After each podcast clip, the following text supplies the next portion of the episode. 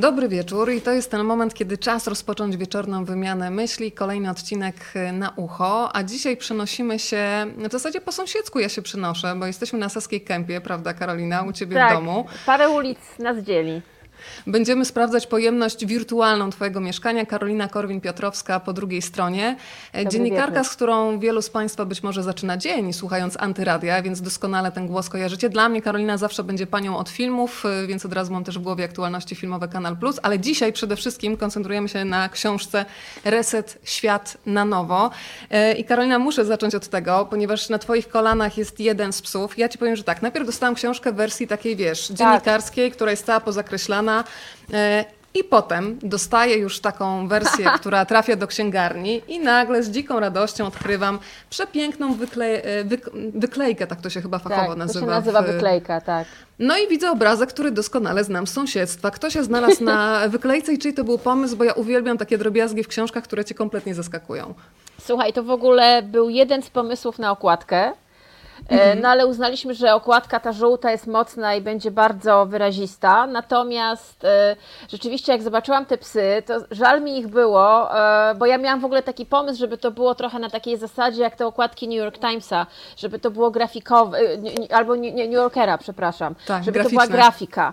No i zrobili mi właśnie taką fajną grafikę, tylko no nie chciałam, żeby ona się gdzieś rozpuściła w kosmosie i powiedziałam, słuchajcie, zróbmy z tego wyklejkę, jeżeli da się z tego zrobić wyklejkę, to ja nie chcę tego tracić, tylko był jeden, jedna uwaga ode mnie, tam nie było trzech terierów, tylko były trzy różne pieski. Ja mówię, słuchajcie, ja Wam wyślę psy, zdjęcia moich psów, jakbyście mogli, to byłoby cudownie, bo to jest taki mój trochę podpis dla tych, którzy wiedzą o co chodzi. I e, dostałam tę wyklejkę do akceptacji i po prostu siedziałam i mówię, Boże, to jest genialne. I teraz wszyscy mi mówią, Boże, ta wyklejka jest cudowna w ogóle, no bo między innymi jest ta pani na niej, która tutaj właśnie siedzi. To przedstawmy, bo przecież te pieski nie mogą być bezimienne. Słuchaj, widzimy je na obrazku, więc teraz czas najwyższy, żeby świat cudna. poznał imiona. Cudna jest, jest cudna. cudna. E, e, bo ma, ma 8 lat, e, tu filuje i prosi Lolek i Buźka. Trzy, trzy psy. Zresztą znasz je z ulicy, robiłaś im zdjęcia, bardzo ładne zresztą kiedyś. Bardzo Ci dziękuję. Moja łatka jest z jednym z Twoich psów zaprzyjaźniona, z Tak. innymi jest trochę taka, wiesz, no, poszczekująca, ale to one się po prostu muszą dogadać, prawda? Tak, musimy się częściej spotykać, no naprawdę. Powiem Ci, że już jest międzynarodowo. Państwo nam się kłaniają na przykład z Filadelfii. Widziałam pozdrowienia z Neapolu. Gdzieś mi mignął Londyn już, ale są też łomianki, rzecz jasna. No. Jesteśmy, gdzie my jesteśmy? W Głogowie, jesteśmy w Koluszkach, z tego co widzę. Drodzy Państwo, zawsze w każdym momencie możecie zaprosić swoich znajomych do naszego spotkania. Pod tymi okienkami, w których nas widać, są trzy opcje. Można polubić, można skomentować, zadać pytanie, można się przywitać z dowolnego miejsca na ziemi, w którym nas oglądacie i można przycisnąć guzik udostępnij, tym samym nasze spotkanie będzie widoczne na Waszej Ja też osi już czasu. udostępniłam u siebie na Facebooku. Tak. Karolina, pomyślałam sobie, że Twoja książka to jest dla mnie taka książka, która pozwala na chwilę bliskości. E, Ja mam takiego przyjaciela, który w momencie, kiedy mamy problemy, mówi, kiedy nie wiadomo, co zrobić, należy zaparzyć herbatę. On idzie do kuchni, wraca z tym kubkiem, te problemy nam nie znikają, ale kiedy możemy wyrzucić z siebie takie nagromadzone emocje, to po prostu je- jest lżej. Ja mam wrażenie, że dałaś wielu z nas e, taki rodzaj wsparcia. Czy takie było założenie, żeby w końcu to, co jest tam kiszone, mówiąc nieładnie, w środku, w końcu znalazło ujście i nawet jeżeli nie znajdziemy odpowiedzi na wszystkie pytania, które nas dopadły, to samo wypowiedzenie wątpliwości na głos daje ulgę. Wiesz co, ja po prostu chciałam porozmawiać z mądrymi ludźmi, bo ja gdzieś t, mam e, głód rozmowy. Zresztą ty to rozumiesz, bo sama nawet nazwałaś e, swój profil Rozmawiam, bo lubię. Mamy, myślę, każdy kto, z nas, kto ma więcej niż trzy neurony w mózgu, a myślę, że mamy więcej niż trzy, to ma głód rozmowy z drugim człowiekiem. A ponieważ sytuacja, która się nam zdarzyła, jest jedna na milion, to jest rzeczywiście zdarzenie globalne, pokoleniowe, różnie to ludzie nazywają, to myślę, że mm, mm, fajnie jest usiąść i pogadać. Można przy herbacie, można przy kawie, przy czym kto lubi. Ja miałam ten, y, ten jedyny jakby na początku problem z tym wszystkim, że większość z tych rozmów, wiesz, gdyby mi ktoś rok temu powiedział, że ja będę robiła książkę na Skype'ie, to bym się po prostu powiedziała, idź się puknij, po prostu to jest niemożliwe, bo wywiad musi to być, musimy siedzieć obok siebie, trzeba się czuć, trzeba jakby, no to zupełnie jest inna relacja. Tak mi się wydawało. Tu się okazało, że z tych 16 ro- o, wywiadów ja tylko 4 zrobiłam twarzą w twarz. Mm, Cała reszta odbywała się na Skype'ie, więc piliśmy tam herbatę, soczek, kto co miał. E, Ja tylko cztery osoby miałam blisko siebie, w tym trzy u siebie w domu. Zaprosiłam je do domu. E, e, A no, do Natalii de Barbaro jechałam do Krakowa. Więc to, to jest książka, a ta książka jest wynikiem głodu rozmowy, głodu spotkania dwojga, dwóch, dwojga osób, których y, ja byłam tym y, takim trochę głupim dyziem, który musiał zadawać proste pytania, bo miałam takie wrażenie, że masa prostych pytań nie pada w przestrzeni publicznej, że my jesteśmy zalewani nakazami i zakazami, natomiast nikt nam nie zadaje prostego pytania, jak ci z tym wszystkim jest, jak się z tym czujesz, bo, bo to jest takie pytanie podstawowe, które trzeba sobie zadać. Jak ja się w tym wszystkim odnajduję? Nikt nas o to nie zapytał. Mm, y, y, Zalewając nas różnymi informacjami, ogromną ilością fake newsów i ogromną ilością nakazów i zakazów. Więc to, to powstało z głodu takiego spotkania, żeby sobie usiąść i pogadać. Założenie było też takie, że ja nie chcę, żeby ci ludzie nagle stawali się multitaskingowi, żeby byli ekspertami od wszystkiego. Ja, jak zauważyłaś, pytam ich głównie w kontekście ich dziedzin, w których dla mnie są mistrzami. I oni, siedząc w tych dziedzinach, osiągając w nich jakiś sukces, naprawdę duży sukces, który poparty jest ich wyłączną pracą i talentem, oni wiedzą, znaczy dy, mogą dywagować, co się stanie z, z ich dziedziną. To są też dziedziny gdzieś mi bliskie, w których ja jestem w stanie zadać trochę pytań e, i które też mnie bardzo interesują, których jestem zwyczajnie ciekawa. I też takich rozmów, myślę, e, w tym czasie w przestrzeni za dużo nie było. Więc to, to, tak jak mówię, to jest książka, która jest wynikiem mojego głodu. Bardzo y, to stwierdzenie jest takie wspólne chyba dla wszystkich. Pani Zofia przed chwilą mi mignęła, napisała, przyznaje rację, głód rozmowy. To cieszę się, że dzisiaj będziesz karmić słowem i ten głód rozmowy też y, zaspokoimy.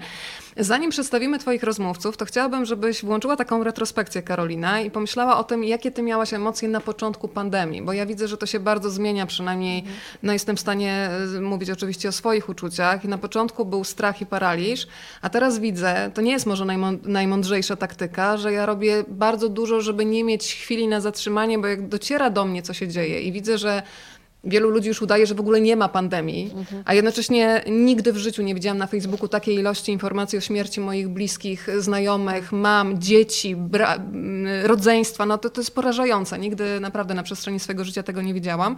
Więc gdybyś mogła tak na tej osi czasu się przesunąć do początku pandemii, jak się czułaś wtedy i w jakim stanie ducha ty jesteś teraz?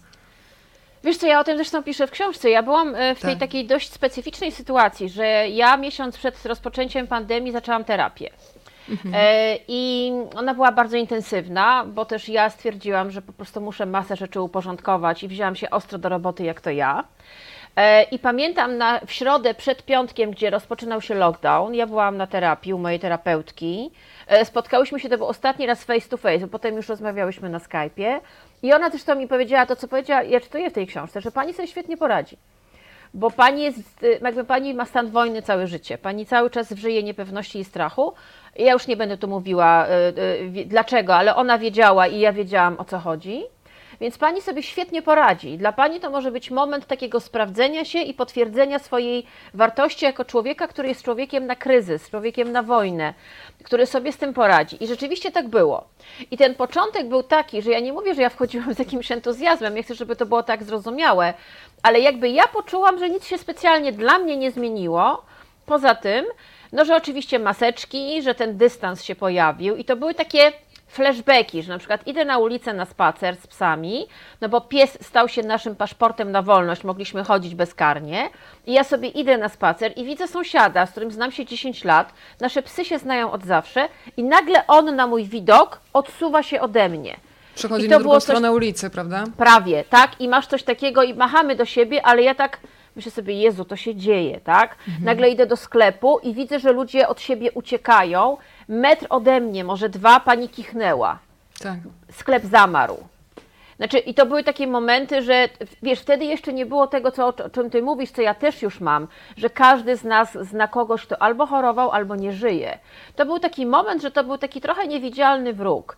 Ja w tej książce też piszę o tej rozmowie z moim przyjacielem, który pół roku mieszka w Azji, pół roku mieszka w Polsce. I on w lutym przyjechał do Polski. To był taki moment, na długo przed polskim lockdownem, gdzie ja usiadłam, pamiętam, to była druga w nocy, myśmy dwie godziny rozmawiali i ja odłożyłam słuchawkę i pomyślałam sobie, kurde, coś się dzieje, bo on wrócił z Azji, gdzie tam już to hulało na maksa, on miał plecak pełen maseczek, e, rękawiczek, płynów dezynfekcyjnych, bo w Azji włączają jeden guzik i tam już są przyzwyczajeni do tego, że są pandemie i trzeba się zachowywać inaczej. Zresztą maseczka nikogo na, na twarzy u nikogo nie dziwi.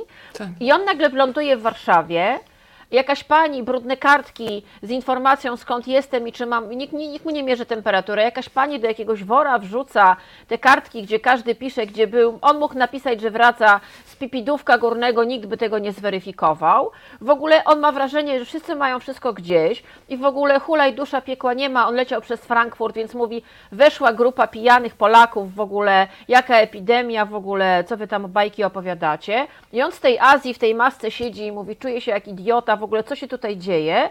Ląduje na tym lotnisku w Warszawie, gdzie w ogóle niby jakieś płyny dezynfekcyjne, ale opakowania sami powiedział, a on jest pedantem i wierzę mu, że tak zrobił. Sprawdził, wszystko było puste. W toaletach też już dawno nie było, bo mm, wracał wieczorem. Więc może rano tam coś było, ale w ciągu dnia cały płyn dezynfekcyjny się, się rozniósł.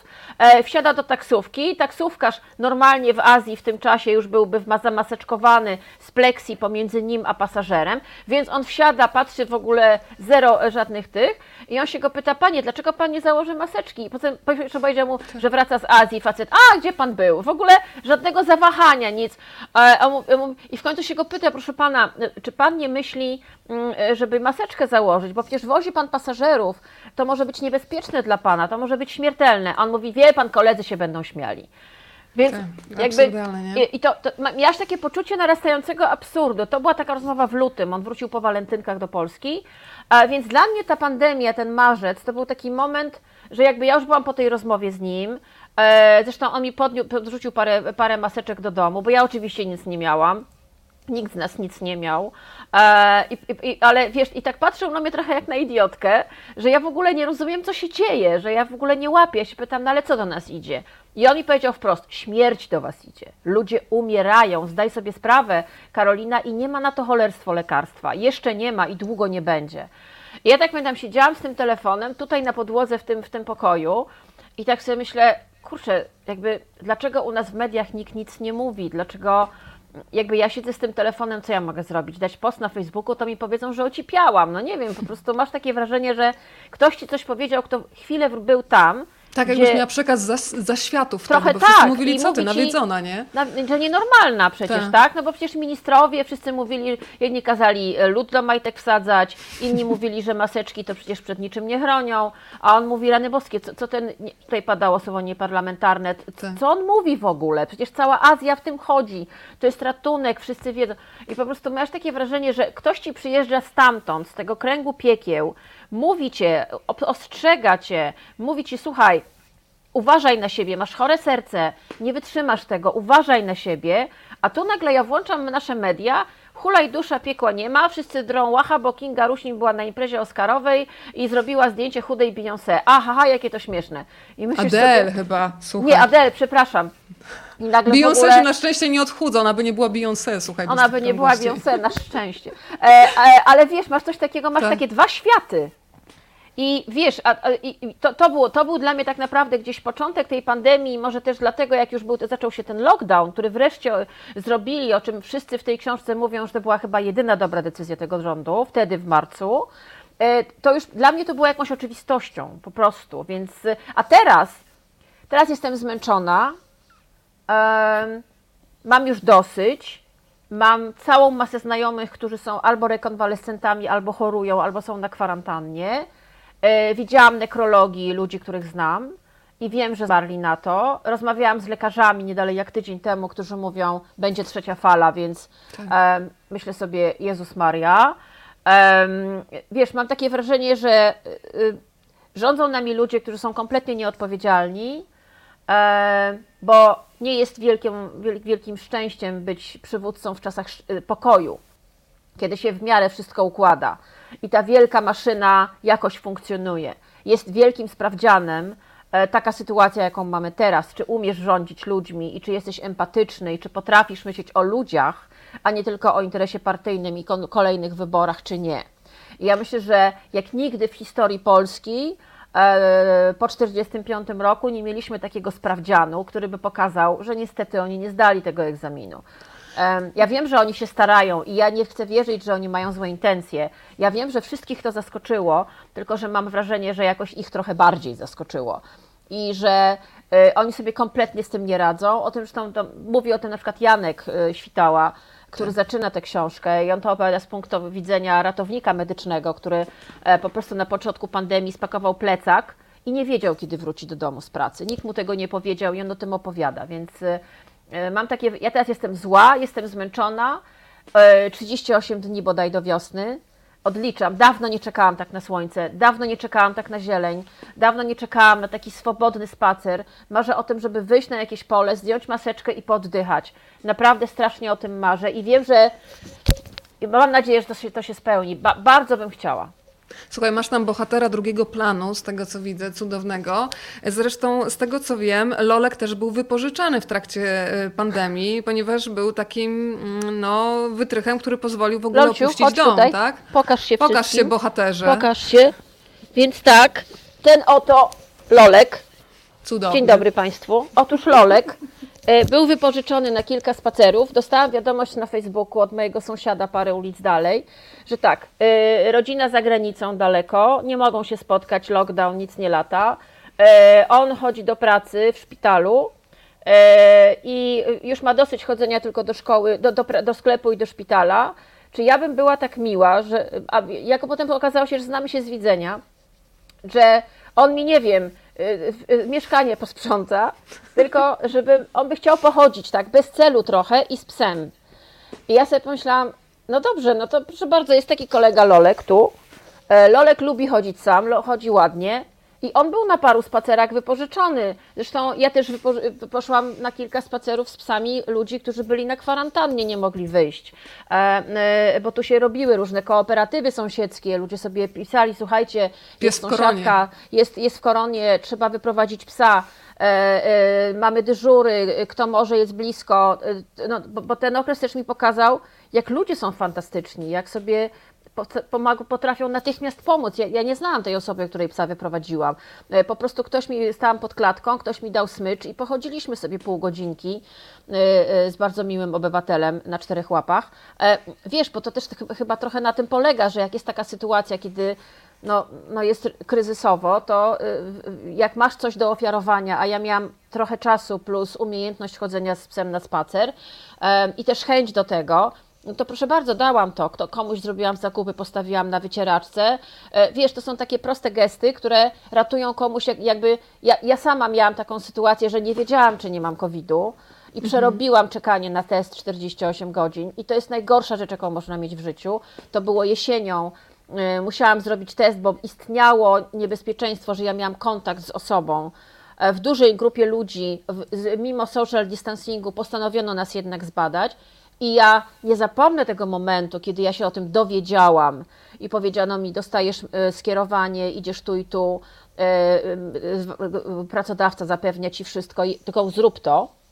I ja pamiętam te pierwsze pół godziny, kiedy ja wszystkie objawy COVID-u dostałam ze stresu. Tak, bo to Po prostu- psychosomatycznie od razu. Psychosomatycznie natychmiast po prostu siedzisz w domu i ja po prostu nigdy nie zapomnę, zrobiłam sobie takie, taki tost z chili z taką ilością, żeby poczuć ten smak. Poczułam ten smak, mało mnie nie wykręciło na drugą stronę, ale zaczęłam się potem śmiać, naprawdę, ale masz takie Tak. histeryczne reakcje, bo to był ten moment, to była jesień, kiedy ja się bałam otworzyć Messengera, bo codziennie się okazywało, że ktoś jest chory, ktoś jest w szpitalu, ktoś jest pod respiratorem, ktoś jest w śpiączce, ktoś nie żyje. I ja czułam, że ten pierścień się zaciska i miałam, to, to- było bardzo niekomfortowe. Więc jeżeli w takim czasie, jakby ja, ja wiem, co ci ludzie, którzy na przykład są chorzy i na przykład siedzą w domu, mam, miałam taką, mam taką przyjaciółkę, która modliła się, żeby nie miała ostrych ob- objawów. Przesiedziała ile trzeba w domu, teraz jest już zdrowa, ale wiesz, słyszałam jej kaszel. Ja słyszałam ten potworny kaszel. który był po prostu, jest on, nie, on jest nie do opisania, bo gadałyśmy na Skype'ie i ja sobie pomyślałam, Jezus Maria, po prostu ci, i, i rozmawiałam z nią, wiem co się czuje wtedy, kiedy się siedzi w domu i się naprawdę modlisz, żeby ten kaszel przeszedł, bo jak nie przychodzi drugi, trzeci dzień, to już musisz dzwonić po lekarzy i zwykle lądujesz w szpitalu, bo leki już nie pomagają, musisz jechać, e, musisz jechać do szpitala i ten strach, tak, że jedziesz Tak. do szpitala. Ja pamiętam, że też rozmawiałam z e, Tomkiem Kwaśniewskim i z Agą Jucewicz.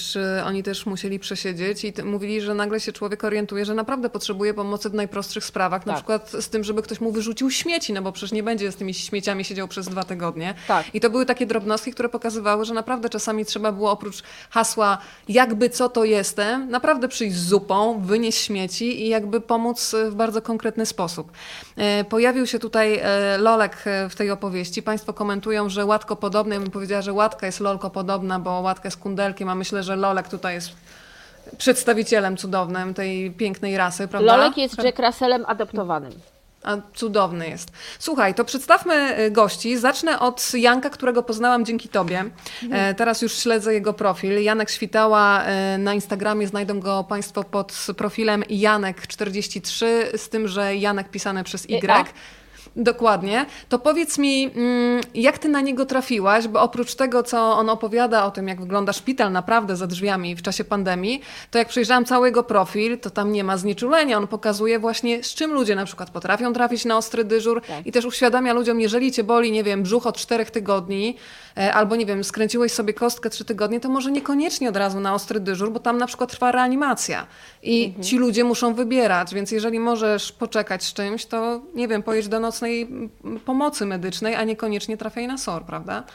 Ja Janka poznałam na Instagramie, jakoś, e, nie, nie pamiętam jak to było, ale zobaczyłam kolesia, który na swoim stories, e, widziałam, że jest ratownikiem medycznym, bo już był cały o ten, e, miał chwilę wolnego, czy tam coś jedli, już nie pamiętam, i zbierał hejty na zasadzie ty chuju, ty sprzedawczyku z, e, tam od Gatesa, a on zrobił i kącik Janek odpowiada, i po prostu ja tarzałam się ze śmiechu, bo on spokojnie, kulturka, odpowiadał na e, różne hejty, ale nie tylko na hejty. Tam też doradzał różne rzeczy, na ile mógł. I pomyślałam sobie, Jezu, jakiś po prostu genialny koleś. Weszłam na jego profil, zobaczyłam, co tam się dzieje i zaczęłam go śledzić.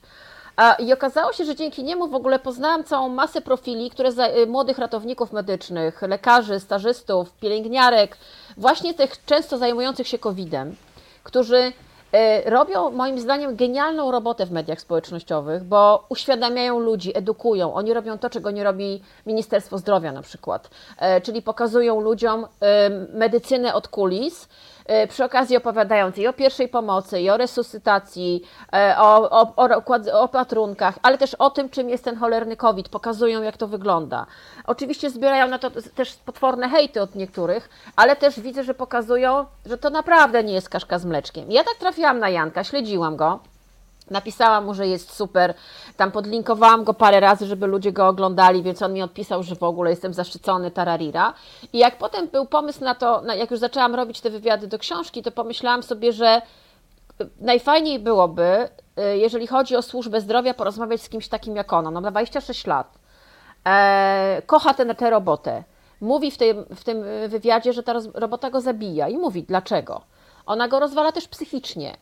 E, on opowiada otwarcie o tym, z jakimi obciążeniami psychicznymi mierzą się ci ludzie, a oni są Wiesz, na co mi zostało frontu. bardzo mocno, kiedy on opowiada tą sytuację, kiedy ma z jednej strony pacjenta, który się zwija na podłodze z kolką nerkową, ale w tym samym momencie musi ratować komuś życie, e, kiedy jest reanimacja. E, I, I takie sceny, które on opowiada, to jest coś, które pokazuje, że, że to zresztą bardzo też mnie uderzyło i myślę, że to jest bardzo ważne poznać narrację z drugiej strony, kiedy mówił o miłosnych gestach społeczeństwa w stronę medyko, medyków, które według niego nie były niczym innym, tylko zagłuszaniem własnego sumienia. I niestety chyba trzeba się w wielu momentach z tym zgodzić. No jak ja się go pytam, jak reaguje na hasło o, owacje dla medyków, to on mówi, że wolałby owulację. No to jest odpowiedź Janka. E, e, nie, bo znaczy, bo to, bo to trochę tak było. No, myśmy zagłuszali swój strach, e, e, swój tumiwisizm wobec tych ludzi przez lata narastający, to, że mieliśmy w dupie. Każdy był przekonany, że przecież każdy lekarz to ma, jest milioner, ma 10 samochodów, nie wiem. I dorabia prostu na wymazach, nie? dorabia na wymazach i w ogóle to e, śpią na kasie i w ogóle i nagle się okazało, że zaczęliśmy na nich in, inaczej patrzeć, bo się nagle okazało, że to od nich, literalnie od pana Janka, pani Bożeny i pani Hanki zależy nasze cholerne życie. I że tutaj nie ma opowiadania sobie jakichś banialuk. Nie, to są ci ludzie, do których, w których ręce my trafiamy, jak na przykład zabierają nas w, w COVID-zie. Ja słyszałam, opowieść o takiej, taką historię, ktoś mi dokładnie opowiadał, bo to przerobił. Kiedy wiesz, e, opowiadano mi o tym, że otwierają się drzwi do mieszkania, wchodzi ratownik medyczny, są cali już zamaskowani, bo wiedzą, że pacjent będzie covidowy i bardzo źle się czuje. Opowiadał mi to mój kumpel, który sam do tego szpitala jechał i mówi, ty się dusisz po prostu.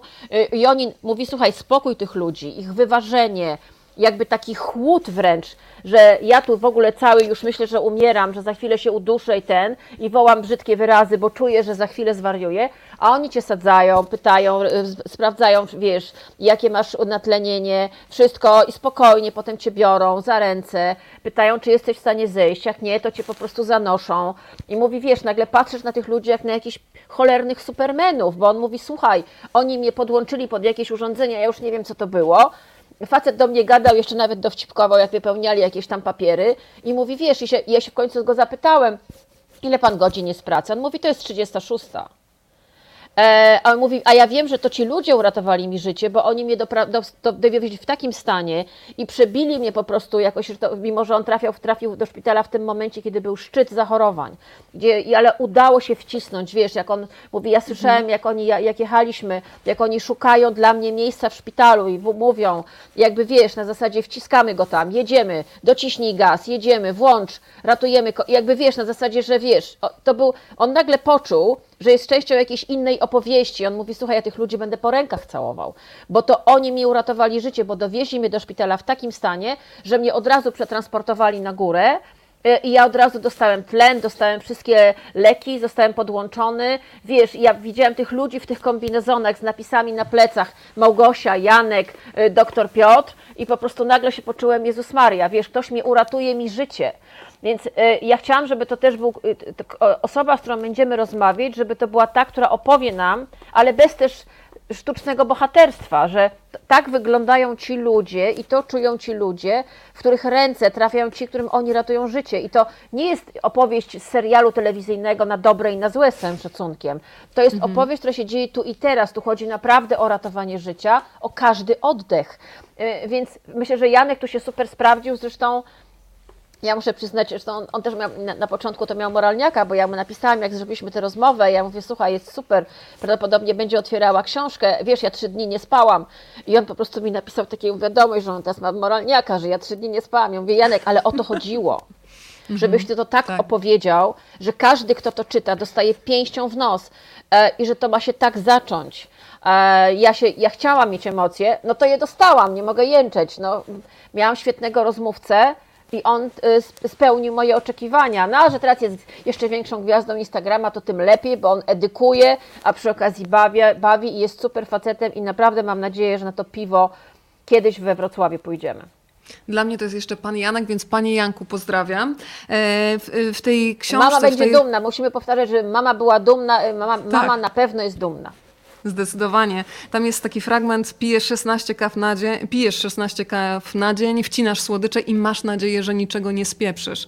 E, I marzysz o tym w pewnym momencie, żeby ci ludzie na 15 minut przestali umierać, dusić się, żeby nikt sobie rąk nie złamał, żeby przestali robić pampersy. To jest też taka złość, która się w człowieku kumuluje, bo nagle nie jest w stanie też po prostu y, zaopatrzyć wszystkich ludzi, których ma e, obok siebie. I Janek mówi bardzo jasno, że były takie dyżury, kiedy zaraz po trzaśnięciu drzwiami od szpitala odpalałem papierosa i schodziły z niego lęki, adrenalina i zaczynał po prostu płakać. I wtedy też te łzy były jakieś uwalniające, to wszystko, co się działo w środku. E, Wspomniałaś o tym, Karolina, i na tym się jeszcze zatrzymam, kiedy powiedziała ci do ciebie tw- twoja psychoterapeutka, y, że ty jesteś w pewnym sensie przygotowana do tej sytuacji. Bardzo podobnie mówi Jagoda Szelc. Myślę, że to jest fragment, który też może być e, bliski wielu osobom, które cierpią na coś, co się nazywa lękiem uogólnionym. Sięgnę teraz do fragmentu twojej książki. Jagoda Szelc, czyli fantastyczna reżyserka i scenarzystka filmowa, mówi coś takiego. Pierwszy raz odczuwasz ulgę polegającą na tym, że możesz w końcu zacząć się realnie bać. Ten lęk przechodzi w strach, który ma swoją konkretną przyczynę. Lęk jest bowiem wyobrażony, a strach jest ukonkretyzowany. Mam wreszcie realny powód do tego, by czuć to, co czuję, więc okazuje się, że faktycznie niektórym sytuacja, kiedy od lat mieli coś takiego jak lęk uogólniony, kiedy wstajesz i po prostu masz trzepot w sercu i nie wiesz o co chodzi, bo teoretycznie jest wszystko ok, nagle się to przekierowuje. Tylko pytanie, na ile to działa? Czy, czy to jest jakiś stan, stan, gdzie właśnie, nie wiem, na początku jest łatwiej wejść ten, w tę niewiadomą pandemię, a potem to się znowu zaostrza? Jak to jest?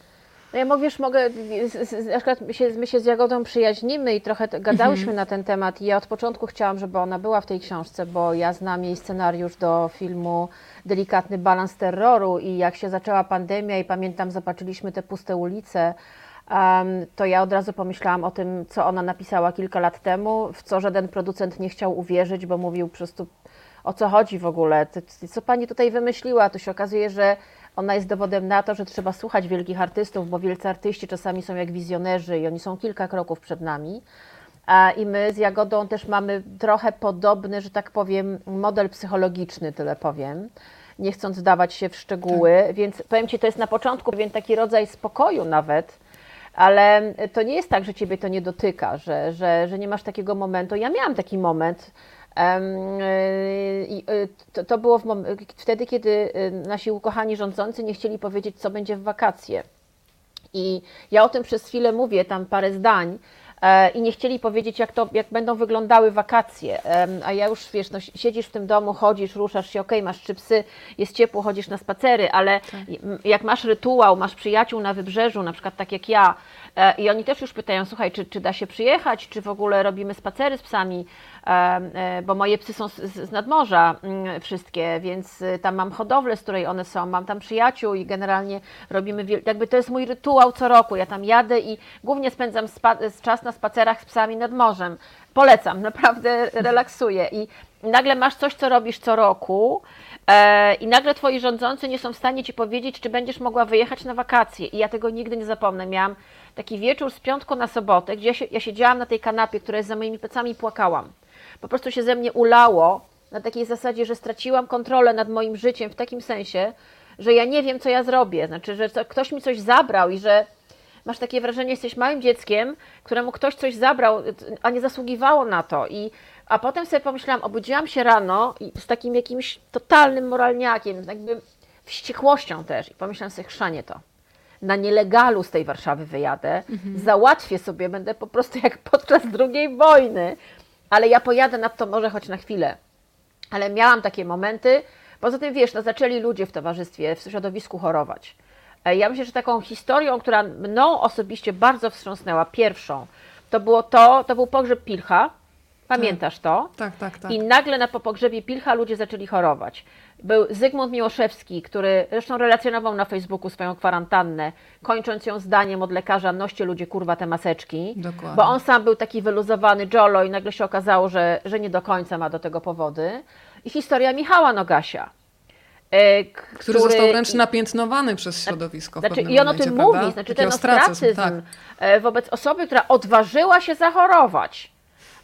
I to, co ja pamiętam, przeżyłam, że nagle daleki w ogóle znajomy, trzy razy w życiu go widziałam, pracuje w tabloidzie, do mnie dzwoni i mówi, ehe, ty masz, i w ogóle cześć Karolinka i nagle, wiesz, masz, wszystkie ci się nagle e, elektrody alarmowe włączają, bo myślisz sobie, jeżeli ktoś taki dzwoni do ciebie po tylu latach, zdobył twój numer, to coś się za tym kryje i rzeczywiście się kryło, bo chodziło mi o to, że oni szukali dokładnie, kto był na tym pogrzebie, bo mieli jakieś zdjęcia z tego pogrzebu i chcieli pewnie, wiesz, na zasadzie, a oni byli, oni mogą zarażać, nie wiem, wiesz, zaczęłam sobie wyobrażać, oczywiście udałam głupią, ale miałam takie poczucie, że jest polowanie na tych ludzi. Znaczy, że, że, jest, że, że mamy wrażenie jakiegoś kompletnego absurdu, e, który zaczyna się dziać. I historia Michała, o której zresztą opowiada w tym wywiadzie, to jak też środowisko się momentami, delikatnie mówiąc, dziwnie zachowało wobec niego, bo Nogaś ośmielił się zachorować i nie zrobił o tym też posta na Facebooku, tak? I nie opowiadał o tym. i Nie poinformował całego świata, tak. tak, jestem chory. Tak jakby choroba nie była, y, y, nie, nie, nie mieli, nie, jak nie, byśmy nie mieli prawa do indywidualnego przeżywania choroby. Ja na przykład wiem, że choroba dla mnie wymaga ciszy i skupienia, ale rozumie, rozumiem też na przykład Zygmunta, który zrobił z tego codzienny był post na fejsie u Zygmunta, który był edukacyjno, zabawno, ironiczny, przerażający. I być może opisywał- pozwala mu przetrwać też te- ten Myślę, moment. że tak, że to był Tak. rytuał, bo on wylądował nagle w mieszkaniu rodziców, w swoim pokoju, w którym dorastał i nagle miał absurdalną sytuację, że tutaj są rzeczy- małego Zygmusia, a tutaj dorosły Zygmuś siedzi po prostu i czeka na to, aż kwarantanna mu się skończy. I on też ze swoim ogromnym poczuciem humoru jakoś to ubierał w słowa i kończył tym codziennym e, e, refrenem ludzie, noście kurwa te maseczki. E, I sam był przykładem tego, kto właśnie miał trochę wywalone, jaka pandemia, a tu się okazało, że go to dotknęło. Michał miał prawo przeżywać to inaczej, ale też myślę, że to, jak zachowali się wobec niego niektórzy dziennikarze, pokazuje w ogóle pewien sposób właśnie odbioru tej choroby wśród ludzi, który do tej pory jest, że tych ludzi się stygmatyzuje, bo ktoś zachorował, ktoś ośmielił się zachorować, e, ktoś, ktoś nagle jest inny, wytykany, no nie wiem, szukamy tego innego, to poszukiwanie innego, poszukiwanie winnego sytuacji jest naturalne w takiej historii, w takiej sytuacji kryzysowej, jaką jest pandemia. Michał był jedną z pierwszych takich publicznych, wezmę to pod, w cudzysłów, ofiar. To prawda. Lolciu, zejdź. Lolek cały czas tutaj ma Lolek parcie po na prostu- szkło chyba, zobacz. O jest, to jest, to jest nie, nieodkryta gwiazda ekranu, naprawdę. Lolek w każdym momencie możesz się tutaj pojawić, ale skoro padło hasło ekran, to ja w takim razie wywołam Magdalenę Górkę, czyli operatorkę filmową, która pracuje w Hollywood. Bardzo lubię to zdanie, kiedy ona mówi, celebryci z dnia na dzień nagle musieli zacząć żyć normalnie. Asystenci, którzy zawsze dla nich pracowali, nie mogli do nich przyjść i zrobić zakupów. I też rozumiem ten rodzaj zagubienia ludzi, którzy no zazwyczaj, za których zazwyczaj wszyscy robią e, rzeczy dookoła. Natomiast e, bardzo ważne jest to, co mówi e, pani Magda. Po raz pierwszy w życiu ktoś mnie zamknął w domu, a do tej pory nie udało się to nigdy i nikomu. Nawet mojemu mężowi. Dopiero wirus okazał się odpowiednio potężną siłą i nagle musiałam, jak każdy człowiek, spojrzeć w głąb siebie, zadać sobie pytania, co jest dla mnie ważne, jak chcę żyć, co chcę w życiu robić, jak się czuć i wiesz, co się okazało? Że nie mam odpowiedzi na te pytania. I gdyby ktoś mnie w domu nie zamknął na tyle miesięcy, to bym nigdy odpowiedzi nie znalazła. I pomyślałam sobie, Karolina, że ta książka w dużej mierze chyba nam wszystkim uzmysławia, że wielu z nas, ja też się do tego przyznaję, żyje siłą rozpędu. Tak. I nawet przez ten bieg kołowrotek codzienny ucieka przed tymi niewygodnymi pytaniami, które są wydawałoby się kluczowe i podstawowe. I fajnie, kiedy ktoś jest w stanie to przyznać i, Tak. i zacząć myśleć, co z tym zrobić. No Magda jest teraz w Kanadzie na kwarantannie, ponieważ za chwilę zaczyna zdjęcia do Star Treka. E, jako pierwsza operatorka z Polski będzie robiła taką mega produkcję, e, bo teraz, nie wiem czy Państwo wiedzą, filmy kręcone są głównie w Kanadzie. E, ekipy się wywozi na kilka miesięcy. Ona prawdopodobnie spędzi na planie 6 miesięcy i to będzie rodzaj takiego obozu e, pod, w, ogromnym reżimie sanitarnym. E, No ale wszyscy przechodzą teraz kwarantannę dwutygodniową w Kanadzie. Czyli wróciła z Belgii, e, w której kręciła e, serial dla Netflixa Into the Night, gdzie też e, gdzie robiła zdjęcia. Do, z Belgii, do, z której, do, do której uciekała ze Stanów Zjednoczonych, co dokładnie opowiada w tej rozmowie. Wiesz co, no, no w ogóle jej przykład dla mnie, dla mnie postać Magdy w tej historii pojawiła się dość szybko, bo w związku z George'em Floydem.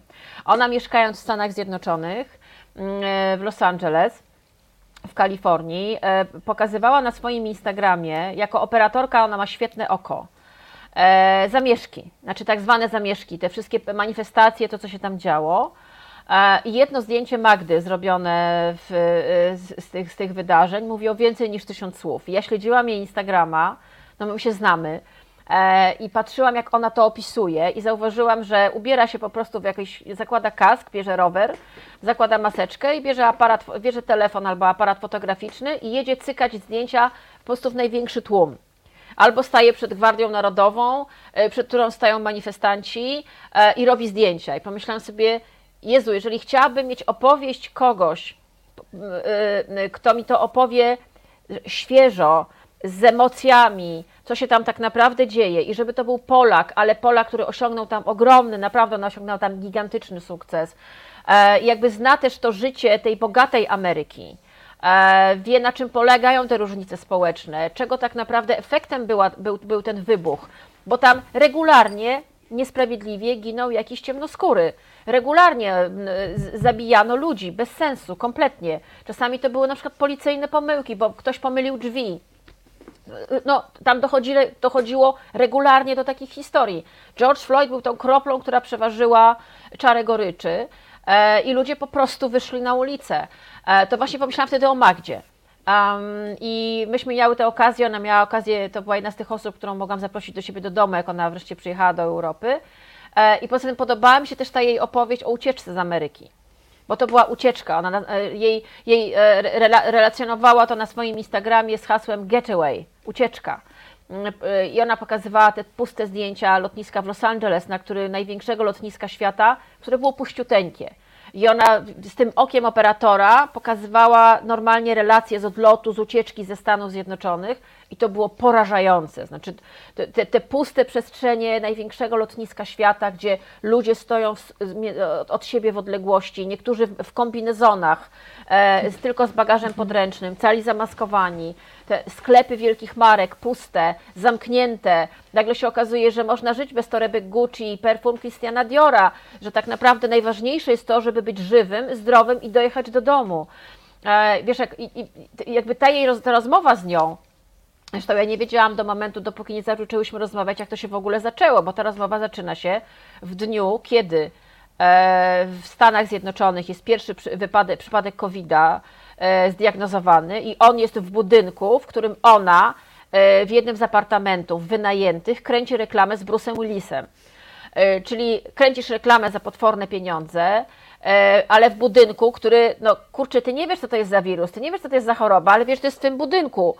E, I wiesz, i ona opowiada tą rzeczywistość, kiedy ludzie nagle nie wiedzą, co zrobić. Podchodzi do ciebie Bruce Willis, mówi haj, a ty nie podajesz mu ręki, bo już wiesz, że nie powinnaś. A i tak naprawdę nic nie wiesz.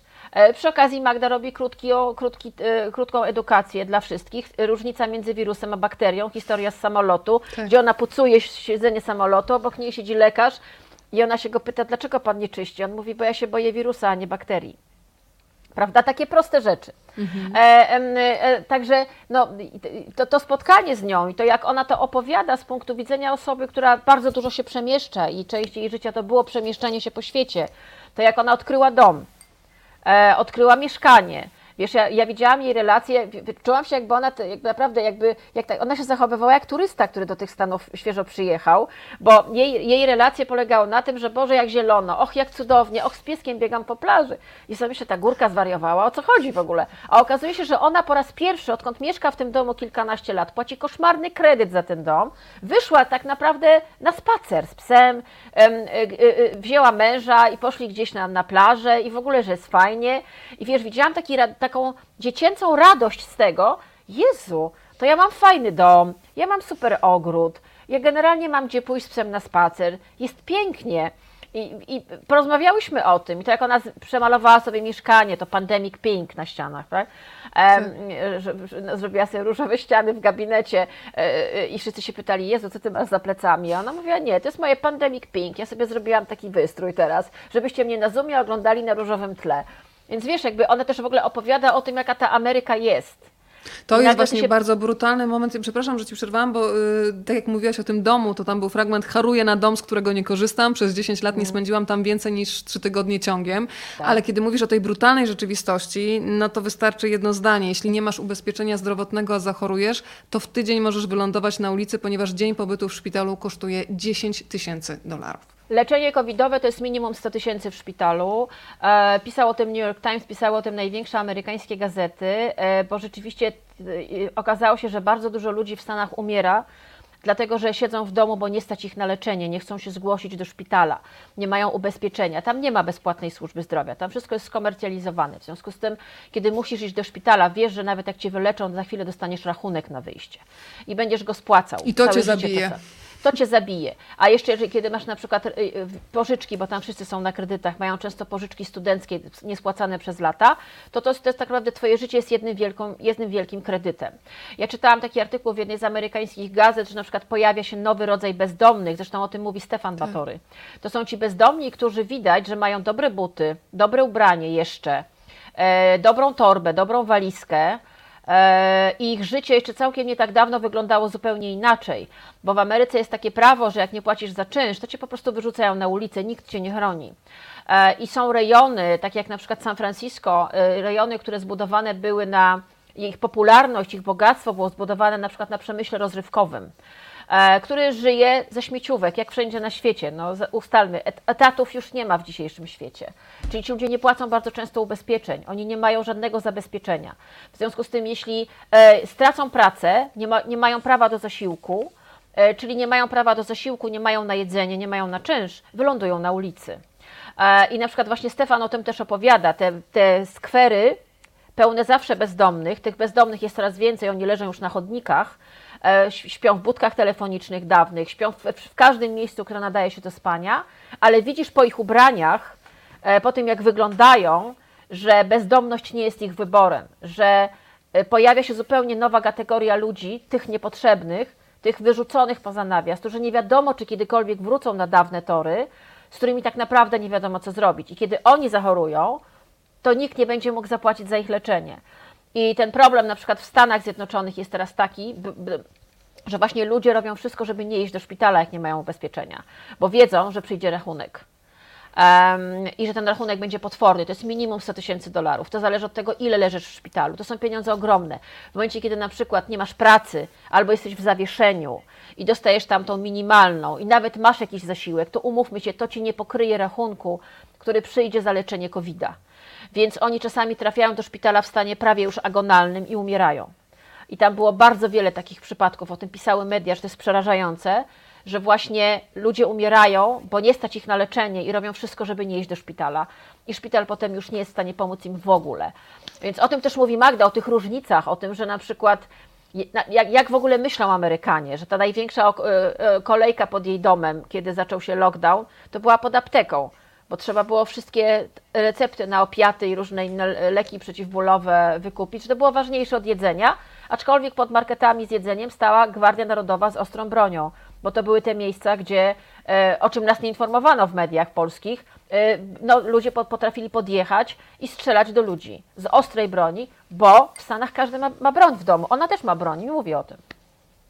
To są przerażające e, takie zdania. Zresztą myślę, że już nie tylko w Ameryce, ale w wielu miejscach również w Europie, że od bezdomności czasami dzieli nas kilka pensji, które nie wpłyną tak. po prostu. Wydaje nam się, że jesteśmy bezpieczni, ale skoro mówimy na przykład o branży, nie wiem, artystycznej, dziennikarzy, ale też muzyków, aktorów, e, którzy w wielu miejscach funkcjonują, jak wspomniałaś, na takich śmieciówkach, no to wystarczy, że przychodzi pandemia, która ich odcina przez rok, żeby tylko przez rok od źródła e, zarobkowania tak. i nagle po prostu nie masz domu, no. bo no ale Weronika, mamy znajomych pracujących w tak. mediach i my wiemy, co się stało. Znaczy, ja mam ten luksus, że mam poranek i, i, i miałam pracę e, i że, że wiedziałam, że te umowy będą przedłużone, ale ilu mamy znajomych, którym nagle odcięły się kolejno to, dzień po dniu e, źródła wszystkie finansowania? Źródła. Mhm. Wszystkie i to wszystkie do spodu, znaczy nie mieli w ogóle pieniędzy. A kto z nas oszczędza? Kto z nas zarabia tyle pieniędzy, że jesteśmy w stanie odłożyć? E, jakby, wiesz, no, sytuacja, przed jaką my tak naprawdę stajemy za chwilę, wiesz, no to, to, że mam, ja mam na przykład znajomych, którzy po 20 latach musieli zamknąć restaurację, postanowili zamknąć to, sprzedać za bezcen, bo już nie mieli siły dokładać. E, ile jest takich biznesów? Mamy, mieszkamy w dzielnicy, w której jak się przejdziesz główną ulicą, e, zobacz ile jest miejsc do wynajem, na wynajem, ile jest miejsc na sprzedaż tak. i jest coraz więcej tego. E, ja myślę, że to będzie początek. E, więc za tymi historiami, za tą kartką na sprzedaż jest tragedia ludzka jakaś, jakaś historia. Ktoś tu włożył emocje, ktoś tu włożył swoje serce i nagle nagle mu to zabrano, on się musi, musi po prostu tego, e, tego, tego pozbyć. To ja to od razu też Państwu powiem, o tym Ty też, Karolina, wspominasz we wstępie, że były takie spotkania, podczas których ściskało się gardło, momenty wzruszające, ale były też takie e, momenty, kiedy śmialiście się do e, rozpuku z rozmówcami. Ja też uważam, że śmiech czasami jest najlepszą bronią, żeby rozładować to napięcie, którego po prostu już nie możemy wytrzymać. Bardzo lubię spotkanie z Michałem Rosiłkiem, w ogóle bardzo człowieka Tośmy się lubię. śmiali, tak, tak, to było wesoło. Y, On mówi między innymi o tym, że do naszego języka wchodzą nowe słowa.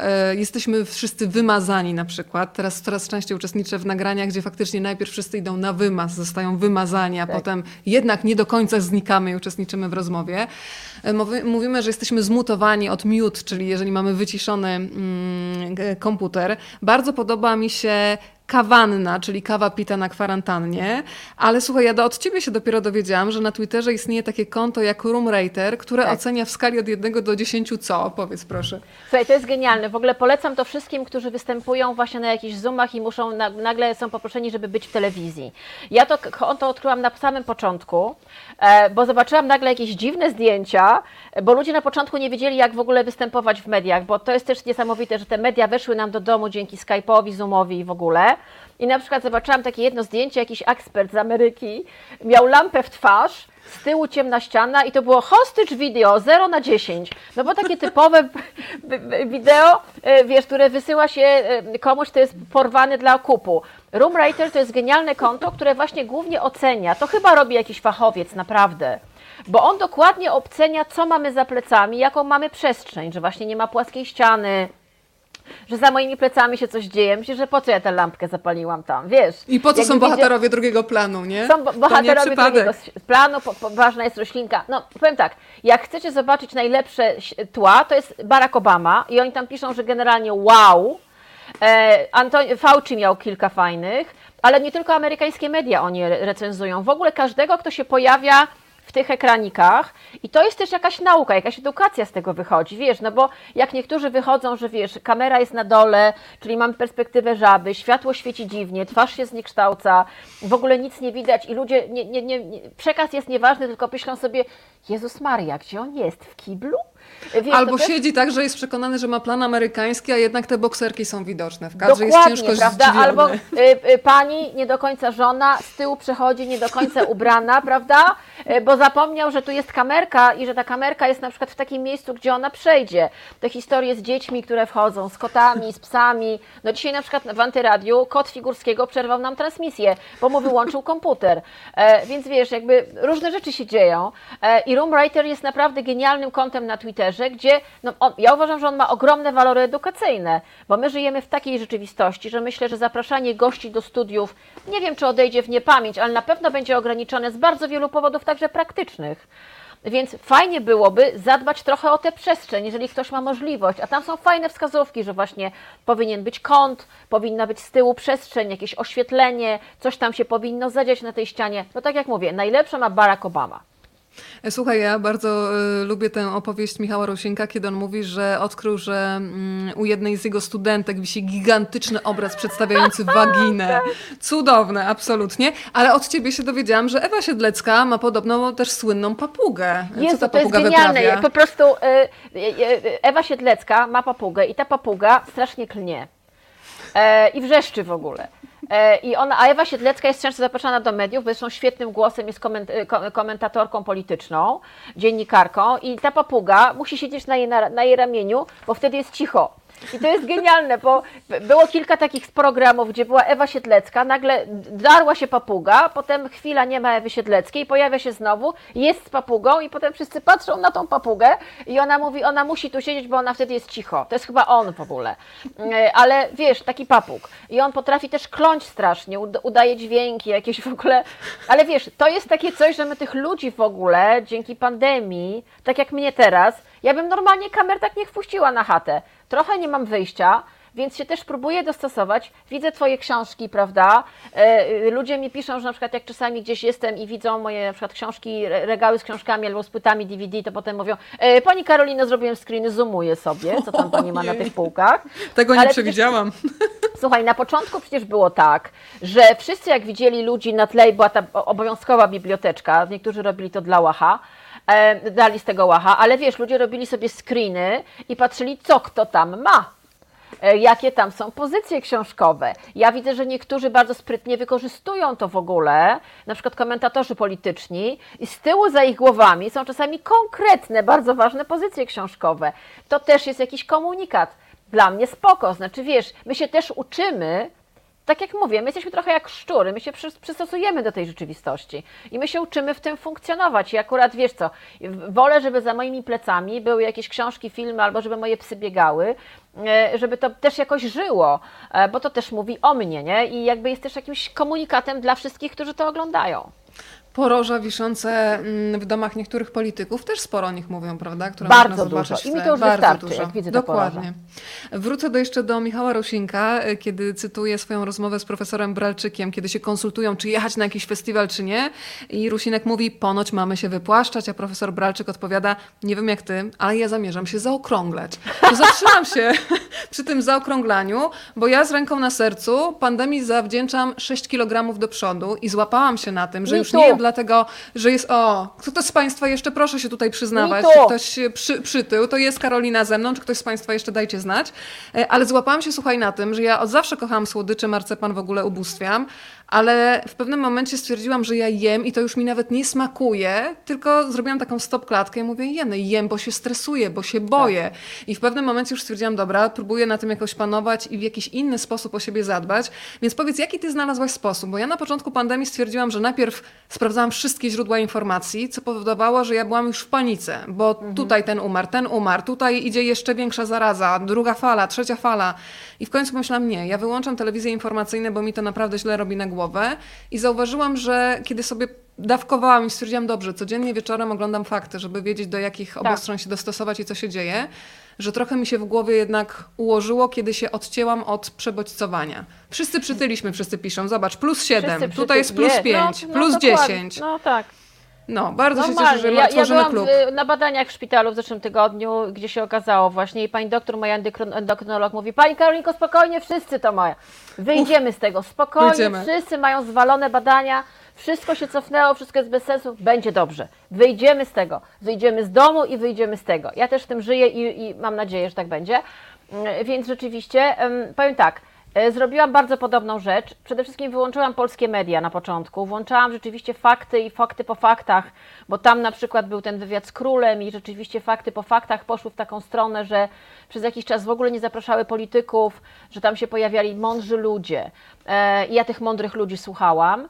E, dużo oglądałam CNN-u i w ogóle amerykańskich mediów, które no, tam pokazywały te realia, których my nie znamy, Euronews ale też, y, y, i to bardzo Państwu polecam, jak ktoś zna angielski, prenumerata cyfrowa New York Timesa to jest coś, co otwiera oczy na świat y, bo oni rzeczywiście, to jest najlepsze dziennikarstwo świata. I wcale I nie jest taka droga, prawda? Jest naprawdę porównywalna do cen polskich do prenumerat polskich. gazet, mhm. szczególnie, że naprawdę ta digital E, no to jest codzienny akces do tych wszystkich naj, najważniejszych tekstów napisanych na świecie, e, plus pojedyncze teksty albo numery z Washington Post. I to jest coś, co ci daje w ogóle obraz, bo oni rzeczywiście myślą globalnie. To jest to, coś, to o czym mówi Tomek Sekielski, że tam nie ma amerykanocentryzmu mimo wszystko, że a, mamy, a my mamy polonocentryzm. Ja miałam takie wrażenie, że oczywiście Polska królem Polski, ale to chyba może nie jest najlepszy pomysł w momencie, kiedy świat cały coś przeżywa.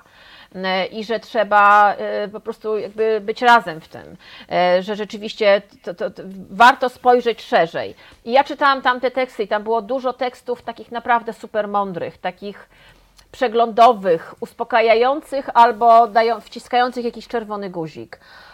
Więc, ale zdecydowanie ograniczyłam media informacyjne, bo miałam, miałam taki moment takiej trzydniowej paniki trochę, że tak siedziałam jak w stuporze i gapiłam się w ten ekran co nie było za dobre.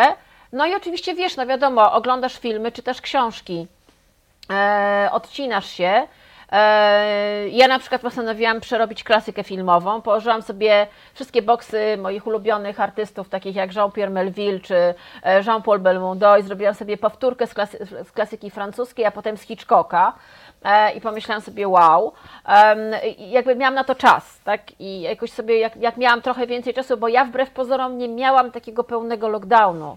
Ja codziennie miałam radio, e, ja nagrywałam mm, po chwili przerwy Kanał Plus, e, więc ja miałam pracę, więc ja nie miałam czegoś takiego, co ludzie mają, takiego siedzenia w domu, wiesz, takiego murem.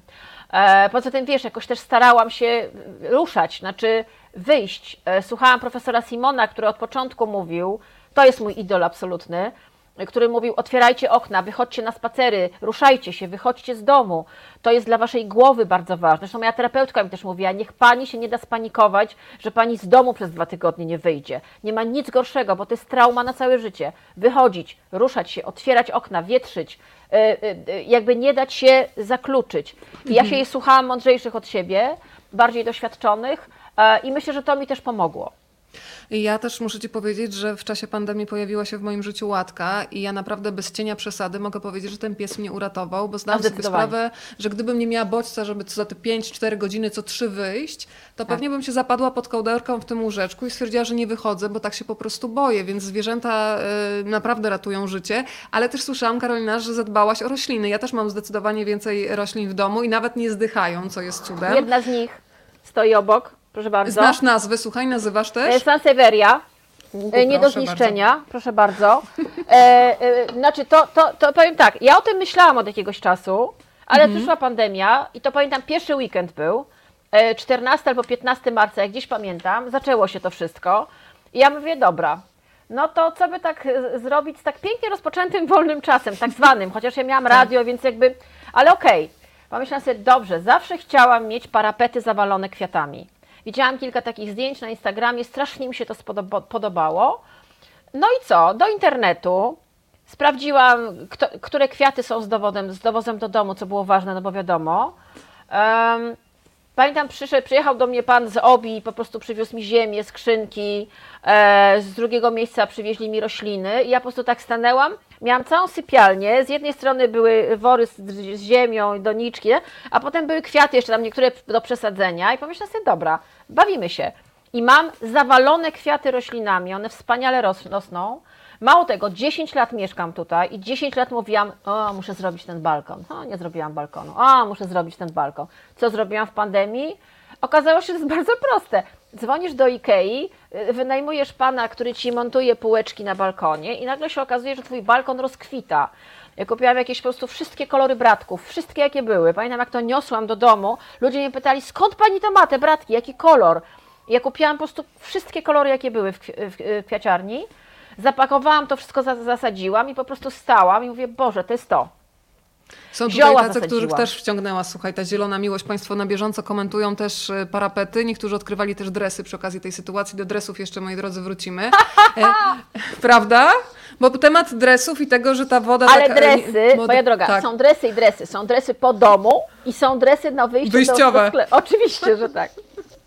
Bo faktycznie o tym rozmawiacie z Michałem Zaczyńskim, że ta moda high fashion, no to trochę będzie musiała poczekać, bo e, chyba w rozmowie w Big Book Cafe mówiłaś o tym, że otworzyłaś szafę i się zorientowałaś, że marynarka, czyli twój taki strój, który był strojem codziennym, no w zasadzie nie były używane przez dobrych kilka miesięcy. Znaczy, no nie naprawdę, znaczy zrobiłam całkiem to niedawno i tak stanęłam i bo nagle robiłam pranie i zobaczyłam, że ja mam praktycznie 10 ubrań, w których chodzę non stop i to są no, swetry, dresy, jakieś koszulki, e, no i to jest wszystko. E, I otworzyłam szafę, a tam ładnie powieszone marynareczki, tutaj do pracy, tutaj tego, tu do kina, tutaj te. I nagle myślę sobie, cholera, no nie wyrzucę tego, bo może jeszcze mi się to przyda, ale tak coraz częściej myślisz, Vinted? Ja sporo Ale- sprzedałam, powiem ci. Nagle się okazało, że ja mam tyle rzeczy, których nie chodzę. Myślę, tylko mi to zabiera energii i sporo Znaczy, poszło. Ale też ja też sporo w ogóle porozdawałam, e, e, bo też do, Tak. mówimy z Zaczyńskim o tym, że nagle stanęliśmy oko w oko ze swoją szafą. No i człowiek tak patrzy, jestem się na cholerę mi to w ogóle. O co chodzi w moim życiu? Wiesz, ja też miałam taki moment. Słuchaj, ja znalazłam bluzkę, którą myślałam, że zgubiłam gdzieś, a ona była z metką i wisiała i po prostu masz taki, takie po prostu ciarki żenady cię ota- otaczają, że sobie, Jezu, po prostu to już jest upadek. Korwin, ty masz nową bluzkę w szafie, której nie założyłaś. Myślałaś, że ona ci gdzieś, z... mało ja tego, ja buty w szafie znalazłam. Nagle, wiesz, w ogóle masz takie, coś takiego, jak wygląda moje życie, ale to jest nic. I Ja jestem na takiej grupie z dziewczynami, gdzie one opisywały niektóre właśnie, jak nagle porządkują, bo wszyscy zaczęliśmy porządkować, tak? E, albo remontować. No i po, porządkują i nagle po prostu, że tam któraś znalazła jakieś tam ciuchy swojego byłego starego i teraz siedzi, ma jakieś traumy i po prostu, wiesz, masz coś takiego, że, że naprawdę to ubranie stało się w ogóle nośnikiem bardzo wielu emocji, a y, kiedy masz taki moment, że jesteś w jednym ubraniu prawie cały dzień, notabene ja od razu jakby nie dałam się wcisnąć w to, że chodzisz w jednym ubraniu non stop, ja się przebieram, znaczy to jest e, Tak. jakby, i żeby dbasz o ten dobrostan, od tej strony też, też, że wiesz, zmieniasz to, pierzesz, sprzątasz, to nie jest tak, że niektórzy pisali, że po prostu te spodnie już na nich stoją z brudu i nie zdejmą do końca. Tak. Nie, znaczy, że to chodzi o to, żeby dbać o siebie, żeby ta normalność była tutaj i żeby ten rytm dnia był ustalony, także, że wiesz, y, robisz coś ze sobą, że się przygotowujesz na, na, na, na wyjście na świat, tak jak Natalia de Barbaro mówi, że jak wychodzi, to sobie to oko zrobiła, po prostu jakieś totalne, ja zresztą też. Chciała też szminkę, ale się zorientowała, że maska. ale ja sobie robię szminkę i muszę sobie chrzanić to. Że, wiesz, Ja to wiem, że mnie. jest. To jest dla mnie, ja się czuję z tym lepiej, to jest godnościowe. Ale nagle ta szafa w ogóle stała się punktem wyjścia do, do dyskusji, bo przemysł modowy e, jest jednym z najbardziej niszczących planetę, e, jednym z najbardziej wyzyskujących ludzi, e, najbardziej niesprawiedliwych przemysłów, który jest też tym, co z nas wy- wyciskało pieniądze, dla jakiejś ułody, że kupisz sobie torebkę czy bluzkę i będziesz lepsza, mądrzejsza, szczęśliwsza, co jest brednią kompletną. E, Ale my się dawaliśmy przez lata w to wkręcać. I nagle wiesz, zamknięte sklepy, to Michał Zeczyński mówi, Karolina, nie na darmo otwarte były sklepy z żywnością, a sklepy z ubraniami były zamknięte, więc może moda nie jest nam tak potrzebna, może ubrania nie są po prostu ani pierwszej, ani drugiej potrzeby, że my już tyle tego mamy. Zresztą ja przed rozmową z Michałem pomyślałam sobie, dobra, to był mój pierwszy w ogóle spacer do galerii handlowej w, w pandemii, żeby zobaczyć, jak to wygląda. I ja się przeszłam po ogromnej galerii handlowej i patrzyłam na te tony ubrań, butów, torebek, w ogóle abstrakcyjnych, w ogóle jakieś, pamiętam, manekiny ubrane wyjściowo. Sobie myślę, tak, no z kuchni do, do, do sypialni, to ja sobie tak przejdę w ogóle. W brokacie. Masz takie wrażenie kompletnego absurdu i oderwania tej, tej, tej branży całej od świata, który jest dookoła. Zresztą to teraz wychodzi, coraz więcej firm się zamyka, bankrutuje, nie wiedzą co robić, bo nagle się okazuje, że oni wciskali ludziom coś, bez czego ci ludzie sobie świetnie dają radę teraz. Bo to jest Państwo też taki tutaj- moment sprawdzenia. Państwo komentują pani Monika dresy galowe, a pani Kasia szminka godnościowa. Świetne określenie. Tak, chowamy do słownika do kieszeni, będziemy używać.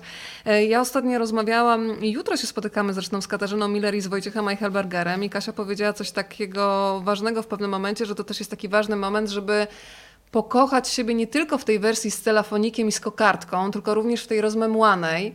E, Ale też Wojciech Eichelberger powiedział ważną rzecz, żeby też dbać o to, żeby tak nie do końca się właśnie poddać temu rozmemłaniu. O tym też mówi twoja rozmówczyni, czyli mm, Natalia Kukulska, która jednak mówi, że właśnie to mm, dbanie o to, żeby jednak e, zadbać o otoczenie, o to, żeby była jakaś przestrzeń, oddech, jakiś ładny detal w mieszkaniu, o to, żeby się jednak ubrać w te dresy galowe, e, a, nie, a nie tylko te, które faktycznie są już rozciągnięte i, i wyglądamy już trochę kloszardowo, e, że to jest też coś, co daje nam jakąś taką, no to, to jest znowu takie godnościowe, żeby Tak. się nie dać ściągnąć na dół, prawda? Tak, to jest zdecydowanie to, to, o czym na początku w ogóle e, e, mówili psychologowie zapraszani do mediów. Proszę Państwa, super fajnie mamy długie wakacje, nie wiadomo jak długie i w ogóle świetnie to jest. A teraz, proszę Państwa, wstajemy rano, myjemy ząbki, czeszemy włoski, przebieramy się i nawet jak mamy home office, to się przebieramy do tego home office'u i generalnie dbamy o siebie. E, Na przykład Facebook był pełen, nie wiem czy to zauważyłaś, takich porad na zasadzie zrób sobie plan dnia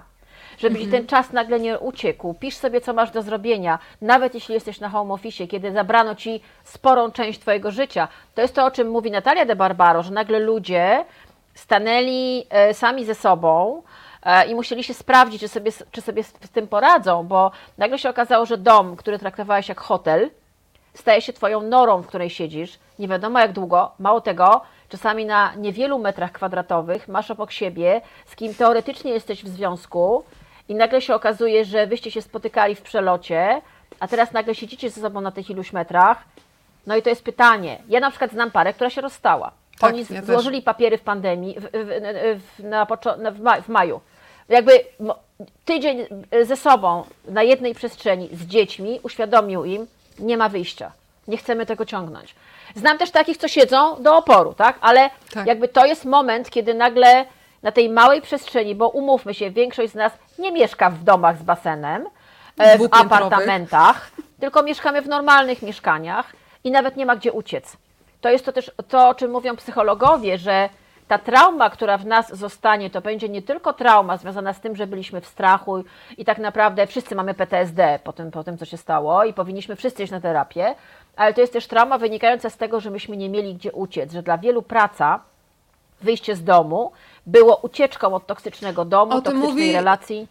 O tym y, mówi akurat nie o toksycznej relacji, ale o czymś takim jak ucieczka od domu Magda Boczarska, prawda? Że Tak. ona sobie uświadomiła, że praca była trochę jak wejście do takiej bajki dziecięcej, że ta codzienność to jest y, też często no, wiele obowiązków, szczególnie kiedy się jest matką małego dziecka. I nagle sobie uzmysłowiła, że to, co dawało jej równowagę, to była praca i nagle to zostało odcięte. I że też na początku była na takiej granicy depresji, a dopiero potem zbudowała też swoją siłę y, na tym. I wiesz co, jedna rzecz mnie przy okazji Magdy też bardzo tak zatrzymała, bo ja sobie po raz pierwszy w y, pandemii pomyślałam, może i dobrze, że nie mam dzieci, bo chyba bym nie udźwignęła ciężaru odpowiedzialności, że ja jeszcze jestem odpowiedzialna za kogoś, a Magda mówi coś y, przeciwnego, że właśnie jej świadomość tego, że jest odpowiedzialna za małego człowieka, dodała siły, więc każdy pewnie inaczej to jakoś przez siebie przefiltrowuje, też bardzo to są ciekawe. indywidualne historie, każdy z nas przeżywa to inaczej. No ona miała to szczęście, że, że zdała ten egzamin i mówi otwarcie, myśmy rozmawiały pod koniec listopada, na początku grudnia, to był ostatni wywiad, który robiłam. E, i ona mówi, że już wie, że zdała, tak, była jeszcze na chwilę przed przeprowadzką do nowego mieszkania i już też jakby wszystkie hardkory wzięła na siebie Tak. i wie, że, że, to, że to wyszło, ale też otwarcie mówi, że to nie było łatwe, bo to był ten egzamin, wiesz, sama znasz pewnie ze swojego otoczenia, ja też mam kilka historii, gdzie naprawdę w domach były dramaty bo nagle się okazało, że ta praca była ucieczką i że ta praca jakby była takim miejscem, gdzie mogliśmy gdzieś skanalizować różne swoje emocje. Albo że na przykład ktoś traktował dom naprawdę jak hotel. I nagle się okazało, że e, no, samemu w hotelu trudno też żyć. Było dużo takich historii. E, Więc jakby myśmy, my zamknięci na tych y, y, iluś metrach kwadratowych sami bądź z rodziną, e, albo na przykład tylko z ludźmi na Skype'ie, no każdy z nas jest inną osobą, każdy z nas przeżywa to indywidualnie i ja słucham tutaj psychologów, terapeutów, psychoterapeutów, którzy mówią, to będzie największy problem po. E, bo my się jesteśmy w stanie fizycznie dostosować do bardzo wielu rzeczy, natomiast nasza głowa może nie nadążyć. I to, co nam zaserwowano przez te miesiące, które jeszcze trwają i nie wiadomo, kiedy to się skończy na przykład, e, to to jest największe pytanie, największy znak zapytania, który musimy sobie postawić, to jest największy strach. E, Bo no, moja terapeutka powiedziała wprost, wprost, no generalnie pół tego narodu ma już PTSD, a drugie pół za chwilę będzie miało. Czyli E, zespół stresu Zespół pourazowego, stresu, tak? ja, ja mam zespół stresu urazo- pourazowego prawie całe życie, więc generalnie spoko. Z tym się da żyć, ale to wymaga e, no, samoświadomości, że się to ma, e, świadomości tego, jak na to reagować i świadom, wie- wiedzy na temat tego, co to za sobą niesie. E, że na przykład jak mówimy o tym, i o tym mówią ludzie w tej książce, że ludzie na Facebooku na przykład w pewnym momencie przestali ze sobą rozmawiać, zaczęli na siebie krzyczeć to jest to, że te emocje się wymykają spod kontroli i my myślimy, że to jest stan naturalny, że ten stan potwornej e, jakby na- napięcia emocjonalnego dla nas staje się stanem naturalnym i my wybuchamy. I my wybuchamy permanentnie. To mówi Janek, że w moment, kiedy zadecydował, żeby pójść na terapię i zacząć brać leki uspokajające pod kontrolą lekarza, to był moment w aptece, kiedy on opowiada, co się stało. E, gdzie czujesz, jesteś na tyle świadomy, że twoje emocje przegrywasz z nimi. A każdy z nas jest w sytuacji, która wymaga od nas ogromnego wysiłku emocjonalnego. No, wiem coś o tym. E, I, i, I pytanie, czy każdy z nas pójdzie z tym do specjalisty, czy się przyzna sam przed sobą, mam problem, muszę sobie pomóc. Mamy z tym problem Polacy. Y, Nazywamy ludzi idących na terapię albo do psychiatry bardzo często wariatami. Stygmatyzacja ludzi, którzy próbują poukładać, stawiać y, coś w głowie, jest nadal. A tak naprawdę my się wszyscy będziemy nadawali na terapię. Nas wszystkich trzeba będzie, trzeba będzie nas zapytać, zadać nam to magiczne pytanie, które zadają na terapii terapeuci. No dobrze, jak się pani z tym czuła? I musimy sobie zadać pytanie, jak się czu, czuliśmy w tym czasie. Ja myślę, że jak widzę te totalnie emocjonalne reakcje po tej książce, bo ja, ja nigdy czegoś takiego nie przeżyłam, ja nie czytałam takich listów, ja nie czytałam takich wiadomości, ja jestem w szoku. Ale nagle to, co ludzie mi piszą, ewidentnie wygląda na to, że ta książka zadała im pytanie: No dobra, misie, jak się czuliście w tym wszystkim? Jak wam było? Bo myślę, że nam nikt tego pytania nie zadał. E, A ono jest kluczowe, ono jest podstawą. Wiesz, co jest dla mnie bardzo mocne, że twoja książka daje też takie pozwolenie na to, żeby powiedzieć, nie radzę sobie, jestem bezradny, że w tym świecie, który jest taki glamour cały czas, nawet w czasie pandemii, ten piecze chleb, ten tutaj ma faktycznie tylko rośliny na parapecie, ale nie mówi o tym, że na przykład płacze, budzi się w nocy i płacze, ponieważ się boi. I bardzo mi się podoba to, co mówi Natasza Kosakowska-Berezecka, e, która e, jest między innymi wykładowczynią na Uniwersytecie Gdańskim, ekspertką do spraw e, różnorodności. Ona mówi e, między innymi o tym, że pandemia też zdecydowanie pogorszyła sytuację ekonomiczną kobiet, ale jest cudowne zdanie. Najgorsze jest to, że zostałyśmy nauczone dawać sobie radę ze wszystkim, że superwoman polska kobieta, która słynie z multitaskingu i wytrzymałości. E, A w pewnym momencie trzeba powiedzieć, nie, nie potrafię siąść i się rozpłakać, żeby po prostu za chwilę nie wybuchnąć, bo te emocje cię zniszczą zdrowotnie po prostu. To będzie kwestia, nie wiem, pół roku i odkryjesz, że masz raka na przykład. I wtedy warto mieć kogoś przy sobie, kto ci nie powie, jesteś wariatką. Tak. E, bo, a, a myślę, że wielu z nas tak, tak niestety myśli. Ja sama Mhm. e, się z tym zetknęłam, e, więc e, by- byłam nazywana wariatką, bo pokazałam swoje emocje, tak? E, w ogóle kobieta w Polsce, jak pokaże swoje emocje, bardzo często wstawiana jest e, do szufladki z napisem nienormalna, wariatka, może feministka, a już na pewno lesbijka, a w ogóle to chłopa dawno nie miała. To jest takie myślenie polskie. To jest straszne w ogóle. To jest te teksty. potworne i to jest widzenie kobiety w takiej, a nie innej. Ja to przerobiłam, ja to znam, ja to po prostu Tak. mogę wykłady z tego robić. E, rozmawiałam niedawno na ten temat z Pauliną Mynarską. No, ja- ja- jak, to, jak, jak to jest potworne po prostu, że nie możesz pokazać swoich emocji, bo na pewno jesteś nienormalna, e, różne są ohydne określenia.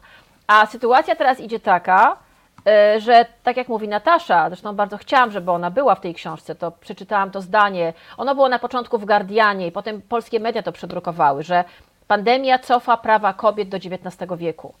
Tak. I pomyślałam sobie, Jezus, jakby wow, to jest temat. Tak, bo my nie myślimy o tym, co tak naprawdę się stało i że tylko ona, zresztą ona akurat prowadziła badania na ten temat, jak myśmy rozmawiały, więc ona miała to wszystko w głowie. Chciałam z nią porozmawiać na ten temat. Na co, co spadło na kobiety w tym czasie? E, Na te, które są w związkach, czy też nie w związkach, w ogóle na kobiety.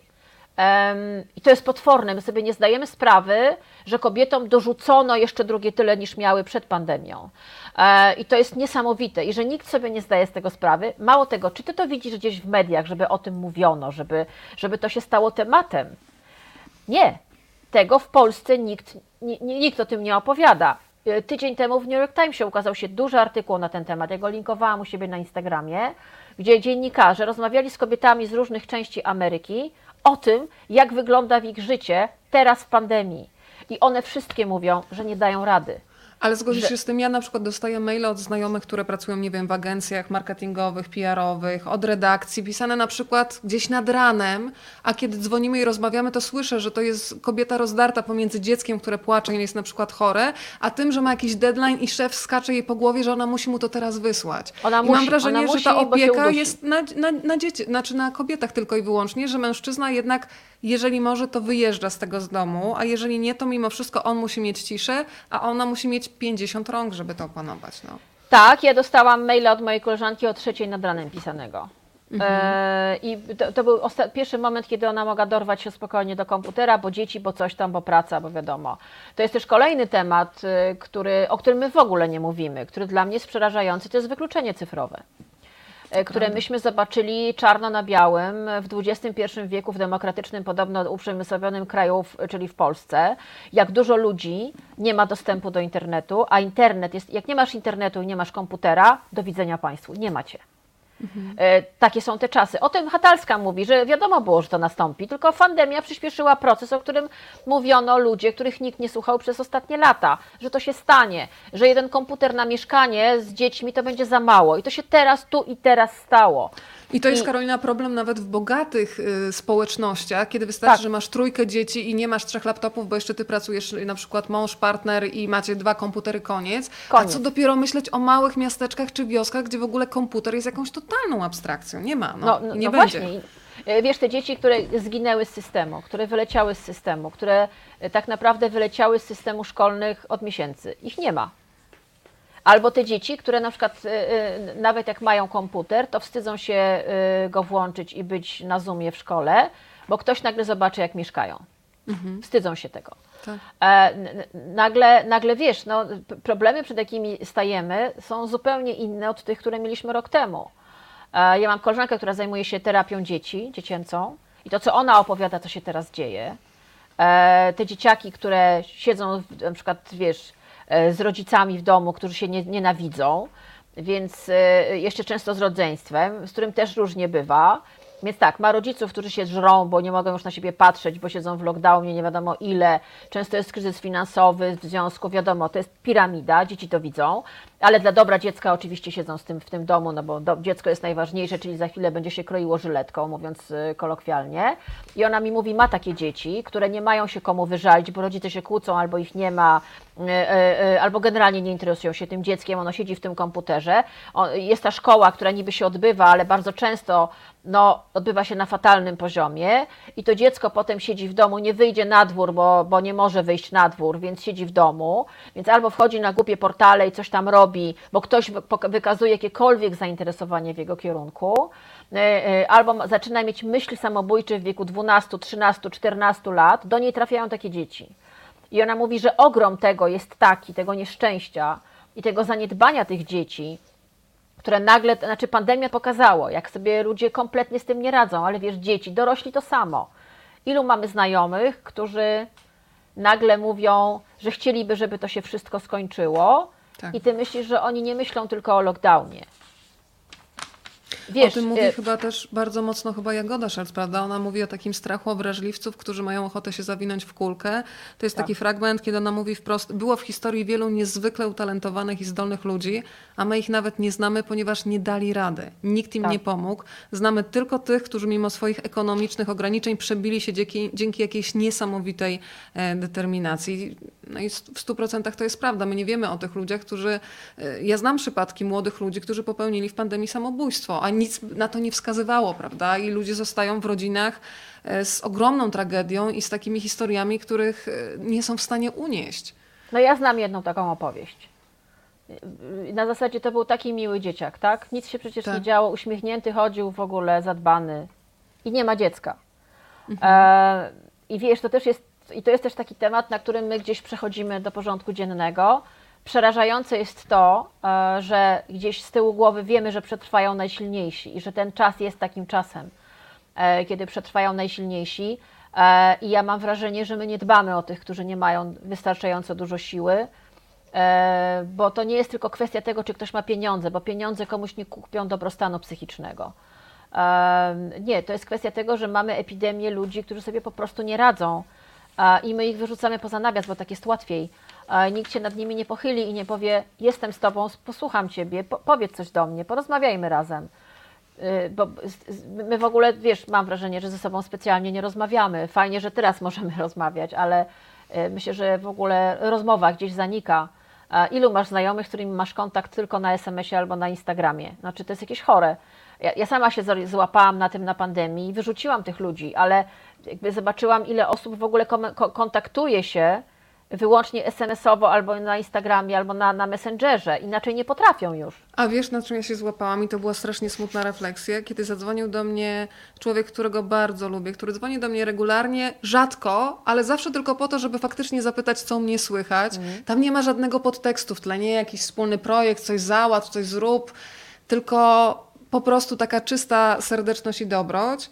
I ja pamiętam, że odebrałam ten telefon i podświadomie czekałam, no dobrze, ale co za tym jest? I stwierdziłam, Boże, do czego doszły nasze relacje, że już wszystko się łączy z jakimś interesem, który mam do drugiego człowieka. A dla mnie takim największym potwierdzeniem, co się stało z nami, jest to, kiedy są urodziny na Facebooku i ty dostajesz tonę tych życzeń takich na tablicy, a na przykład 10 czy 15 telefonów, gdzie możesz usłyszeć czyjś głos i myślę, co się z nami stało, a czasami słyszę, wiesz, bo ja już nie chcę dzwonić, bo może będę przeszkadzać. Ja myślę, ja czekam na wasz głos, ja chcę poczuć energię i ja nie wiem, jakie są państwa, państwo niech też nam dadzą znać, ale mam wrażenie, że faktycznie stajemy się, ty mówisz bardzo ważne zdanie, Karolina, że być może jesteśmy też jedynym pokoleniem, które będzie jeszcze pamiętało znaczenie słowa intymność.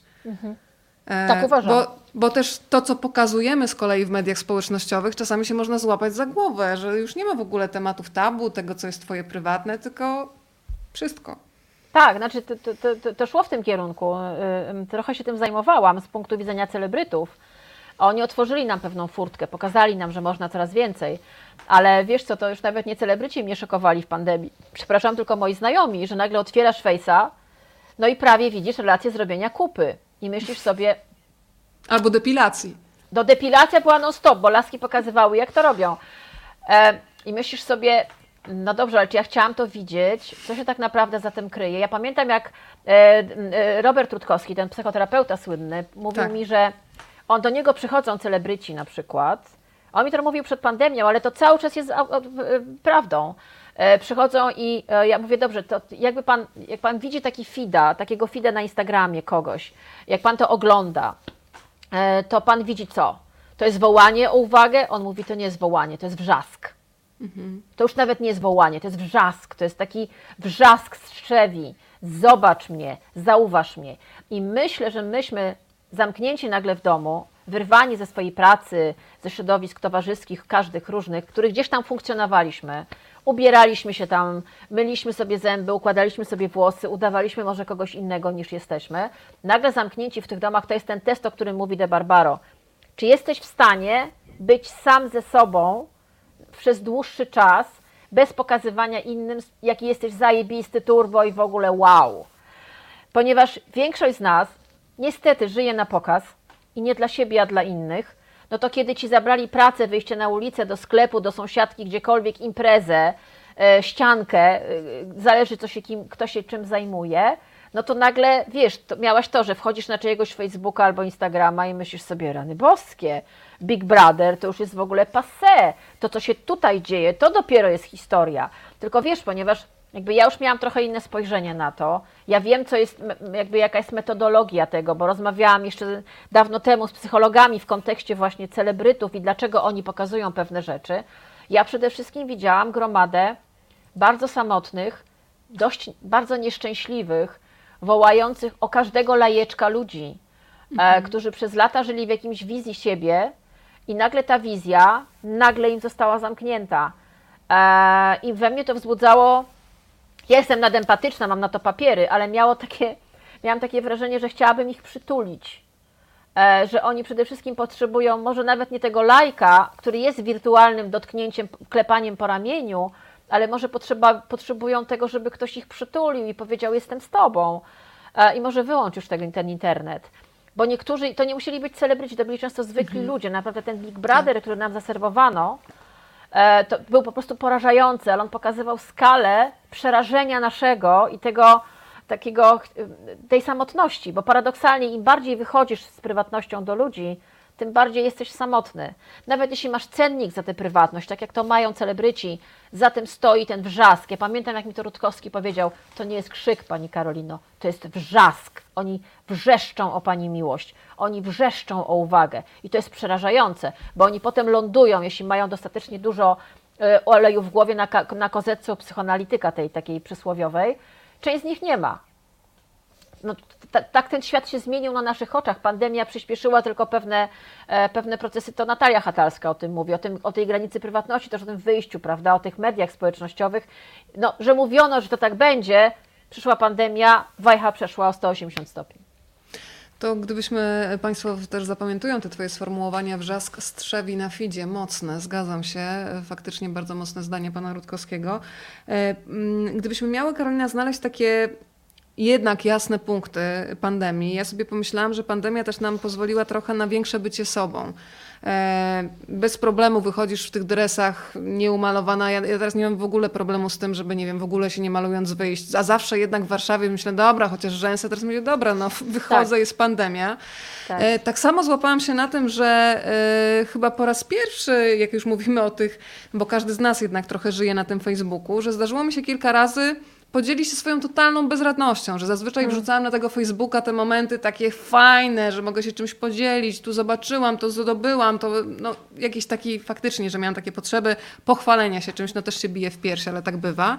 Ale też pierwszy raz sobie pozwoliłam na to, że na przykład, nie wiem, jest mi źle, nie radzę sobie, czy, czy zdarza wam się ryczeć w nocy. I kiedy nagle się okazało, że jak zdejmiemy te takie, nie wiem, maski, że nagle, kiedy opowiesz o tej twojej bezradności, że są ludzie po drugiej stronie, to jakoś sobie pomyślasz, dobrze, to ja jeszcze nie jestem jakaś taka nienormalna, tylko przeżywam normalne, trudne emocje i fajnie, że je też mogę wypchnąć, nawet w tej przestrzeni internetowej. Co byś yy, w takich punktach, nie wiem, kilku, trzech, czterech, tych jasnych stron, które pandemia jednak nam dała, bo ja myślę, że to jest też pytanie do nas, co my z tego wyciągniemy, chociaż Natalia de Barbaro też bardzo lubi jej sformułowanie, że jedni wyciągną z tego jakąś lekcję, a inni po prostu przeklikają na Facebooku, na Netflixie i koniec, więc to zależy od nas, co z tego wyjmiemy. No ja miałam taki moment y, na grupie dziewczyn, która powstała zaraz na początku pandemii, w której jestem i dzięki której dowiedziałam się, czym jest siostrzeństwo, o którym nie miałam zielonego pojęcia, a okazuje się, że ono istnieje, tak, i jest y, bardzo fajne. To jest ta tajna dziewczyny. grupa, tak? To jest ta tajna grupa. i nic To ja chyba mówię, też tam mnie, jestem. Bo mnie zabijecie. Em, ale ja, ja tam robiłam im na przykład takie filmiki, bo część z nich siedziała w domu, a nie mogły wyjść, więc ja robiłam y, rano filmiki ze spaceru z psami. I pokazywałam, jak. I nie pokazywałam siebie, tylko pokazywałam smycz z psami i y, budą, budzącą się wiosnę, albo robiłam nagrania pod tytułem y, Śpiech ptaków y, na Nobla e, w Warszawie. Bo nie wiem, czy zauważyłaś, o tym też wszyscy mówią, że ptaki jakby głośniej śpiewały, ale może Tak. dlatego, że samochody im nie, przeszka- nie przeszkadzały i było naprawdę cicho i te, te one, one po prostu pięknie śpiewały. To był, taki, to był taki wspaniały śpiew, więc ja to nagrywałam telefonem i potem robiłam im takie mm, posty. I miałam taki, jak miałam taki moment e, no takiego trochę doła, to pamiętam, ja nie jestem wylewna, w przeciwnie, jestem absolutnie introwertyczną osobą do bólu. E, I dużo mnie kosztowało, żeby to zrobić, ale mm, spontanicznie napisałam takiego posta tam na tej grupie parozdaniowego, e, którego bym nigdy, nigdy, nigdy, przenigdy w życiu bym nie zrobiła, nigdy. Zrobiłam to wtedy, y, y, y, nacisnęłam publikuj i powiem Ci, ja dawno, od lat nie miałam takiego spontanicznego przypływu miłości. Ale co I- napisałaś, zdradzisz? Co było wywołało bardzo- taką miłość? To było Jeśli o tym, że możesz. Jest, no, no, że generalnie jest chujowo, tak? No, Naz- nazwijmy mówić? rzeczy po imieniu. Nazwijmy rzeczy po imieniu. y, I ja to po prostu usiadłam i napisałam. Nie wiem, coś mnie tknęło. E, Myślę, że każdy z nas ma taki moment, że po prostu myśli, że jest po prostu na dnie piekła i ma takie 10 sekund, w których jakby ktoś mu dał mu pistolet, to by sobie ten łeb strzelił po prostu. E, Ja na szczęście nie miałam pistoletu, miałam ten komputer i tak pamiętam, jakiś plik zamknęłam i napisałam to na tej grupie, tak instynktownie. I ja dostałam tyle miłości, ale to, to, to, nie była, to nie była y, y, czułość, to była miłość. I ja po prostu siedziałam, czytałam to i wyłam. Po prostu em, miałam takie poczucie, Jezu, ludzie są super. Ludzie są fantastyczni. I tak sobie myślę, że to, co nam dał ten czas, e, bo każdemu dał te parę kilo więcej, co już wiemy i z czym się trzeba będzie zbić jakoś, e, to ja przede wszystkim się dowiedziałam, e, że ludzie, wbrew temu, co myślałam przez całe lata, są naprawdę super. I myślę, że gdyby nam rządzący nie przeszkadzali i głupie, zas- głupie zasady, to my byśmy sobie poradzili. Że my mamy w sobie ogromny ładunek dobra i, i ludzie są dobrzy, ludzie są fajni i ludzie, są, ludzie chcą dobrze, tylko okoliczności czynią ich haniebnymi. I myślę, że ten czas, jak każdy czas wojenny, to zawsze ja pamiętam, jak czytałam książki o wojnie, bo ja się mocno interesuję II wojną światową i zawsze mnie fascynowało, dlaczego Hitler doszedł do władzy. I czytam wszystko na temat tego, jak to się stało, że naród Goethego i Schumana mm, nagle wybrał e, na swojego szefa mordercę. Psychopatę, narkomana i w ogóle idiotę. Aczkolwiek cwanego. E, Zawsze mnie to fascynuje, jakie, jakie nastąpiły okoliczności, co tak naprawdę się stało w tym narodzie, e, że, że, że to zrobili. I po prostu był to splot pewnych okoliczności, który spowodował to, że ludzie pomyśleli, a może to jest pomysł na świat, e, i część z nich zagłosowała, a potem historię już wszyscy znamy. Ale też nie można, i zawsze mnie, zawsze mnie wkurzało to, że my lubimy mówić, że Niemcy są źli i że to Niemcy wywołali wojnę. Ja zawsze mówię, to naziści wywołali wojnę, a nie Niemcy, ponieważ sama znam wielu Niemców. I zawsze się czuję głupio, bo mój tata, który był walczył w II wojnie światowej, zawsze mi mówił: Nigdy nie pytaj Niemca, co robił jego dziadek podczas wojny. Co zrobiłam, jak mi tata to powiedział. Jak tylko miałam możliwość, zapytałam pewnego młodego Niemca, co robił jego dziadek podczas wojny, i pamiętam, jak on się popłakał. I pomyślałam sobie, że to nie jest tak, że wszyscy są tylko źli. I że nie ma złego narodu. Pojawiają się po prostu ludzie, którzy przy takich, a nie innych okolicznościach ujawniają swoje złe albo dobre cechy. Wtedy akurat zdarzyło się tak, że większość miała ta, która ujawniła cechy złe. Y, W kontekście wojny. Słowa wojna, które używane jest przez polityków w kontekście pandemii. I no, jeżeli to jest wojna, ten stan wojny, w którym my się znajdujemy, bo rzeczywiście to jest trochę stan wojny, to wydaje mi się, że to jest, jak wiemy, że wojna ujawnia w nas prawdę. To, jacy jesteśmy, pokazuje wojna. E, bo to jest sytuacja graniczna i tu nie możesz udawać po prostu. E, I dla mnie, ja to mówię ze swojego punktu widzenia, ja nigdy w życiu nie spotkałam się z taką dawką przyjaźni, miłości, empatii i dobra. Naprawdę takiego dobra spontanicznego, który wy, rodzi się w tobie w sekundę. Tak jak ty mówiłaś o tym, że trzeba komuś śmieci wyrzucić, psa wyprowadzić, zakupy zrobić, zapłacić za kogoś zakupy w sklepie, bo takie sytuacje też były, albo dać komuś pieniądze, albo komuś zawieść kogoś gdzieś, komuś coś zrobić, e, to się nagle w tobie budzi. E, I ja się z czymś takim głównie zetknęłam. Jeżeli były rzeczy złe, a też były, to sobie myślę, okej, taki, takie życie, ale ja na przykład wiem, o to moje tutaj psy sny mają, jeżeli słyszycie takie dziwne dźwięki, to tam są jakieś y, po, Biegną pogonie, gdzieś nad wodą. pogonie, pogonie po plaży, może myślą o wakacjach nad morzem. E, to ja się zetknęłam, ja jako ja, e, z, z dużą ilością dobra. Też takiej wyrozumiałości, takiego spokoju. e, I to jest dla mnie plus tej sytuacji. Myślę, że każdy z nas, jak spojrzy na ten czas, to na pewno przyzna, że spotkał się z dużą ilością dobra. Tylko też ja się też chci- chciałam też to dobro może zauważyć. I, i, i, i, I tak chcę o tym czasie myśleć. Mam nadzieję, że zdania nie zmienię, tylko mam, zawsze oczywiście tutaj jest wielokropek, bo my nie wiemy, kiedy to się skończy, my nie wiemy, co się w nas obudzi, my nie wiemy, co się stanie. E, Kiedy słucham lekarzy, którzy mówią, hmm, to jebnie, E, kiedy czytam Janka, który mówi, że to jest państwo z kartonu i gówno przecieka i po prostu my to widzimy, ale z drugiej strony myślę sobie, idzie wiosna, może 8 marca będzie na ulicach, wszak e, z Sylwią Hutnik umawiam się na manifestację i z Rusinkiem. E, myślę, że Nogaś dużo też na pewno dołączy. Nogaś też dołączy, bo ja się z nim umówiłam, słuchaj, czekałam na wywiad z Nogasiem, żeby on zdążył z manifestacji wrócić, się Tak. herbaty napić. E, a był w wiadomym miejscu na rowerze i właśnie pedałował szybko, żeby zdążyć na rozmowę ze mną. Ma Więc długie myślę, nogi, to szybko przypedałował. Tak, trochę był zmęczony, ale daliśmy radę. Ale, ale myślę, że jakby też ten czas pokazuje nam, bo takim słowem, które się pojawia w tej książce, jak refren jest rewolucja.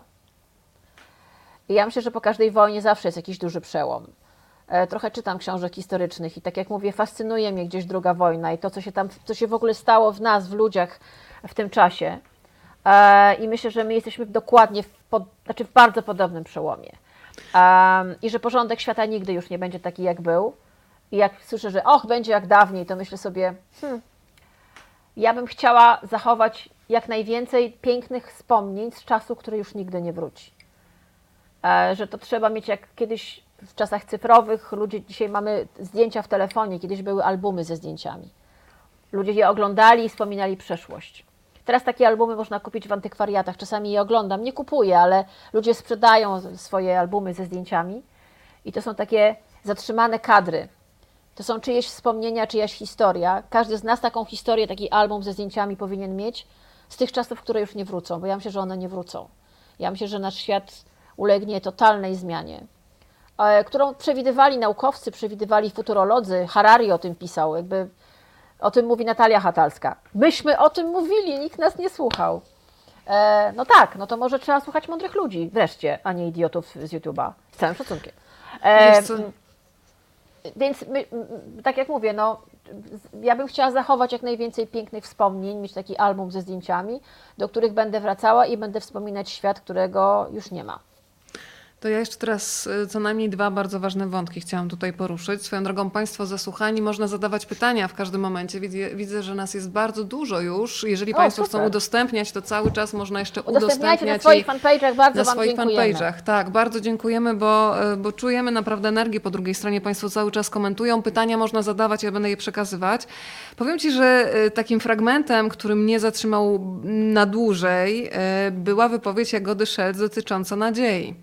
E, Zawsze mi się wydawało, że to myślenie No to myślenie w ogóle, nadzieja jest trochę takim myśleniem magicznym, że trochę zakłamujemy czasami rzeczywistość i Jagoda mówi to wprost tak. Nadzieja też może być mechanizmem, który służy wyparciu i studzeniu reakcji. Wydaje mi się, że czasami pozbawienie nadziei i dostrzeżenie, jaka jest rzeczywistość, daje ten efekt, o, o którym mówimy. W końcu pozwalamy sobie zobaczyć rozpad naszego kraju, nie ma już gdzie odwrócić oczu. I to jest dla mnie bardzo mocne, bo ona też mówi, że jesteśmy tak naprawdę w ostatnim kręgu piekła Dantego, ale cały czas żyjemy w totalnym wyparciu. Potem jest ten wątek e, strachu o mm, tych wrażliwców i bardzo mi się łączy to, co mówi Ania Pięta e, u ciebie w książce z Jagodą, która mówi, katastrofa to nie jest wydarzenie, to proces, ten przycisk został już wciśnięty, a to, co się dzieje ze światem w geopolitycznym i klimatycznym sensie, czego pochodną jest pandemia, to nasz wybuch atomowy, który bardzo powoli, jak slow motion, rozchodzi się po świecie. I o tym samym mówi Ania Pięta w cudowny sposób, że gdyby katastrofa klimatyczna miała takiego PR-owca jak COVID, to my byśmy zaczęli ten plastik w ogóle eliminować kompletnie z życia. A tutaj Tak. jak jest wirus, który zabija i od razu widać śmierć, okej. Ale ja na przykład myślę o ludziach, którzy teraz mają małe dzieci, którym się rodzą te dzieci.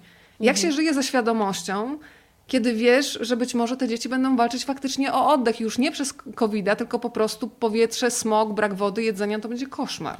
Tylko, Ja że my to przykład- wypieramy. Wiesz co, tak, tak bo, bo nam, przez lata nam mówiono, e, chowaj w sobie wewnętrzne dziecko, bądźmy dziećmi, fantastycznie, życie jest jak gra komputerowa, jak Ci się nie podoba, to włączysz, włączysz, po początku będzie super. No nic bardziej mylnego, dupa blada. Ja bardzo lubię, jak, lubię, biorę to w cudzysłów, jak na przykład ktoś mówi, katastrofa klimatyczna będzie w 2033. Data. A ja sobie myślę, super data, skąd to wiesz? Czy to jest gdzieś napisane? E, wiesz co, ja słucham ludzi mądrzejszych od siebie, jak Richard, jak Richard Attenborough, który mówi, proszę Państwa, to już trwa, Tak. to się dzieje. E, e, na przykład Malinowski powiedział, tak, wy mówicie, że w Polsce jest mróz, ale Arktyka się topi, ok? Arktyka się Tak. topi. A to, że my mamy teraz minus 20, to jest chwilowe. Zapamiętaj to, bo niedługo nigdy już tego nie będzie. Albo będzie jakąś anomalią, która się pojawi w lipcu. E, więc ja uwielbiam to takie zaklinanie rzeczywistości. Nie, nie, bo ta katastrofa to jest dopiero za parę lat. Nie, nie jest 2021 i do jasnej cholery to trwa. I dzieci, które teraz chodzą po ulicach, które protestują też, walczą o to, że są wkurzone, że rodzice spierdolili im przyszłość. Trzeba, trzeba nazwać rzecz po imieniu. Ci cudowni, fantastyczni dorośli, e, którzy podobno tak cudownie kochają swoje dzieci, w ogóle te dzieci są takim dobrem narodu, spieprzyli im przyszłość. Czarno na białym, po prostu brutalnie to powiem, zajebali dzieciakom życie. I One młodzież mają ma tego świadom- świadomość, prawda? Tak, I oni są przerażeni, świadomość. jak rozmawiasz z nastolatkami. Ja mam, ja mam kontakt z dzieciakami. Jak byłam też na tej dużej manifestacji w Warszawie największej, to ja ich pytałam, te nastolatki, super dziewczyny, w ogóle ich chłopaków, po co tu idą? Okej, jest aborcja, ale oni też mówią, Greta Thunberg, topnieją lodowce, wycinają nam lasy, niszczą nam wszystko, nie będzie wody, powietrze jest do dupy, jedzenie nas truje, mamy w sobie mikroplastik. Oni mają większą świadomość ekologiczną niż ich cudowni rodzice, którzy ich podobno fantastycznie kochają, ale jedyne co robią, to im kupią kolejnego iPhone'a albo buty i paszli won. To, się na, to na tym polega. Znaczy, ta, ta cała historia, która się dzieje, o której też trochę jest ta książka, jest historią o tym, żeśmy spieprzyli życie. Ale nie tam sobie, bo my niedługo umrzemy, tylko kolejnym pokoleniom. I jak Jagoda mówi, że nasza starość może być walką o wodę, jak ona to powiedziała, powiem Ci, to ja zamarłam. Bo ona ma tego świadomość. Jej scenariusz, delikatny balans terroru jest o tym, że na świecie nie ma już nic i my musimy walczyć właśnie o ostatni słoik przetworów sprzed 10 lat, który ktoś gdzieś zostawił w jakiejś rozpadającej się szopie i że jak musimy, jak jesteśmy głodni, to jesteśmy gotowi zjeść dziecko, bo nic innego się już nie, daje, nie nadaje do jedzenia. E, ona ma gdzieś, ma, ma, jest jakąś, jest, jest wielką artystką, jest dla mnie geniuszem, jest wizjonerką i to się dzieje tu i teraz. My się za, my, to jest niesamowite, jak my się my zakłamujemy rzeczywistość, że mamy niby 2033, prawda? I to jest ta data, którą ktoś, jakiś idiota wymyślił na jakimś zebraniu redakcyjnym i powiedział, dobra, to wymyślmy, że to jest ta data katastrofy klimatycznej, czyli mamy, a, jeszcze parę lat, tak? To się nachapie. Nie, to się już dzieje. To jest dla mnie, ta książka też mi uświadomiła pe pewne rzeczy. Rozmowa z, Anną, z Anką Piętą, notabene też naszą, naszą sąsiadką Tak. z dzielni, słuchaj. E, to była taka rozmowa, po której ja siedziałam w domu i sobie myślę, no nie, no, jakby to był jakiś taki wielki głaz, to niech on nam nie spadnie po prostu. Znaczy, to, to jest taka rozmowa, która ci otwiera oczy, w jakim syfie żyjesz. Rozmowa z Michałem Zaczyńskim, człowiekiem świata mody. który ci mówi, jak ta moda po prostu niszczy wszystko. Jest totalnym rakiem e, naszego życia. To jest rak. E, nieuleczalny. I po prostu siedzisz, rozmawiasz z nim i po prostu myślisz sobie, Jezus, po prostu jakby ta, ta, ta, ta kijaszka mi, no mówię, uświadomiła po prostu w jakim syfie my funkcjonujemy. Mało tego, myśmy to sami sobie zrobili, nikt nam tego nie napchał, nikt nas kijami do tego nie zapędzał. My sami sobie to zrobiliśmy. E, Teraz jeszcze patrzę na zaznaczone fragmenty z rozmowy z Olgą Hajdas, reżyserka filmowa i teatralna, którą pewnie Państwo doskonale znają. Olga powiedziała, utraciliśmy umiejętność łapania oddechu, zatrzymania się. W ostatnich miesiącach musieliśmy się tego nauczyć na nowo. A od Ani Pięty, o której wspomniałaś, nauczyłam się kolejnej metody na zadbanie o te swoje emocje, bo naprawdę myślę, że to, co możemy robić w pandemii, to dbać o ten swój układ odpornościowy, ładując się dobrymi emocjami, Mm. żeby po prostu mieć siłę na kolejny trudny dzień. Ona mówi, że zaczęła czytać wiersze po to, żeby grać na, żeby odbierać emocje, a nie kolejne informacje, które y, cię przytłoczą. Pytanie do ciebie się pojawiło, bo państwo komentują, ale pierwsze pytanie zadane wprost. Y, Monika y, Koluszki, z tego co pamiętam, prawda? Pani Karolina, co odkryła pani w sobie w dobie pandemii, czego dotychczas pani nie dostrzegała? Może przewartościowała pani swoje priorytety życiowe lub zawodowe? Zawodowo Trochę- to już przewartościowywałam od paru lat. Mm, I cieszyłam się, że właśnie przewartościowałam je tak, jak jest teraz. E, wróciłam do rysowania. Mm, 20 lat nie miałam w ręku ołówka, ani kredki, ani, Wow. ani pasteli. A kiedyś zdawałam na akademię. Em, dziwnie było wziąć do ręki ołówek. E, super doświadczenie. Kontynuujesz? Tak. Tak. Nikomu tego nie pokażę, ale mam, tak. Mam. y, To, to, to, to, to było odkrycie dla mnie wspaniałe. Taki powrót do czasów, kiedy e, człowiek jest nastolatkiem i myśli, że wszystko będzie dobrze i że życie będzie super. Czy generalnie jest super, cały czas tak myślę, ale tam po drodze różne wiadomo e, rzeczy się dzieją. E, y, zaczęłam robić na drutach, też wróciłam do tego. E, kiedyś robiłam bardzo dobrze. To jest bardzo wyciszające. Ja pamiętam, Tak. kiedy w radiu uczyli, to wtedy się koncentrujesz tylko na tym oczku Tak. prawym, lewym i kompletnie wycinasz resztę. To jest jak yoga, to jest jak medytacja. To, to, to jest naprawdę niesamowite i e, bardzo mi się to podoba i w ogóle rozkminiam teraz maszynę do szycia, e, bo sobie myślę, że chyba będę chciała sobie szyć ubrania. Naprawdę. Moja, ja pochodzę, z, moja mama szyła, robiła na drutach, na szydełku. Ja jestem dzieckiem osoby, której mama szyła mi ubrania, więc jakby ja wyrastałam w takim domu i ja wiem, że mam zdolności manualne i wie, wiem, no nie będę udawała i lubię to. Więc to, to, to były takie rzeczy, które, które, y, które gdzieś się pojawiły. Nie piekłam chleba bananowego, nie, nie, ani takich rzeczy, aczkolwiek doceniam ludzi, którzy to robili, bo też to był, była forma jakiejś ekspresji. Na przykład mi się to podobały te wy, wy, wyścigi, na ile chlebków piekłam, jakie chlebki i nagle mąka zniknęła, nagle nie było, stol, nie było jak stolnicy kupić, wiesz, po prostu to było gdzieś wzruszające, że takie rzeczy nagle zniknęły, że Tak. ludzie to wykupywali. E, czyli, czyli skupiali się na czymś, zajmowali się czymś. To, to mi się podoba. Tak samo jak właśnie Natalia de Barbaro mówi. Ja też to wyczułam, że to, że ludzie stoją nagle w marketach budowlanych, to nie chodzi o to, że oni nagle muszą jakby zwariowali. Nie. Oni chcą te nory, w których przyszło im siedzieć, zrobić tak, jak zawsze chcieli. E, na przykład mój kumpel mi opowiadał historię, że po prostu od, od dwóch lat mówi, że musi wyremontować coś tam. I nagle po prostu to, było tak, jak mówi w kreskówce, kurde. Zapakowałem się do samochodu, wziąłem kobietę na plecy i mówię, dobra, jedziemy do Kastoramy. Szybko, połowę kupiłby bez sensu, niepotrzebnie. Ale po prostu siedział, w nocy nawet chciał robić, tylko sąsiedzi mu nie pozwolili. Po prostu nagle stwierdził, kurde, ja to teraz zrobię, będę miał tak, jak zawsze chciałem mieć. I u mnie też coś takiego jest, no będę remontować łazienkę, nie, no i czytałam Tomasza Mana, Czarodziejską Górę.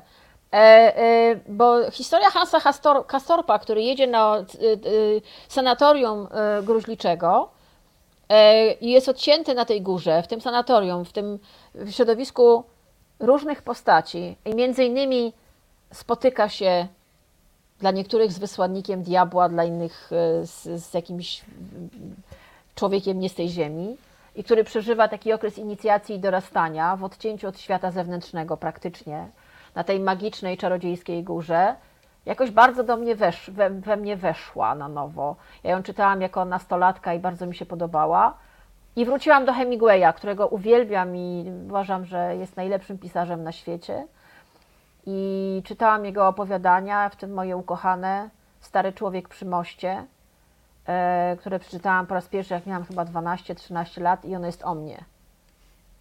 Nie znam, chętnie teraz przeczytam. To Słuchaj, tej przeczytaj. Stary Człowiek przy moście to są cztery stroniczki, z których nie wyrzuciłabym ani przecinka. To jest y, dzieło geniuszu i to jest opowieść o miłości.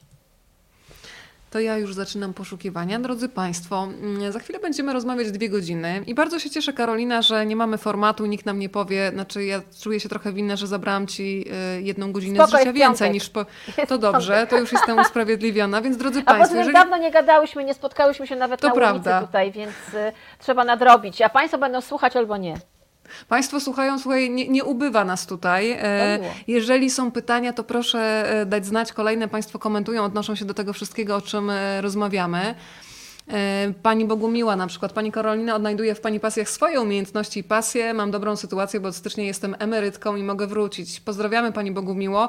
I właśnie chyba o to chodzi w ogóle w rozmowach i w książkach, że istnieje coś takiego, co ja nazywam wspólnotą doświadczeń. I kiedy zobaczysz, że kolejny Twój rozmówca czuje podobnie jak Ty, to nagle się czuje, że nawet jeżeli jesteś gdzieś daleko, to macie coś wspólnego. Pan Piotr z Londynu gdzieś mi tutaj mignął, pięknie napisał, że rozmowa jest potrzebna, że nie jesteśmy osobą... O, tu jest Pan Piotr, już tutaj go przywołuję. Potrzebujemy czułości, dotyku, rozmowy jak powietrza.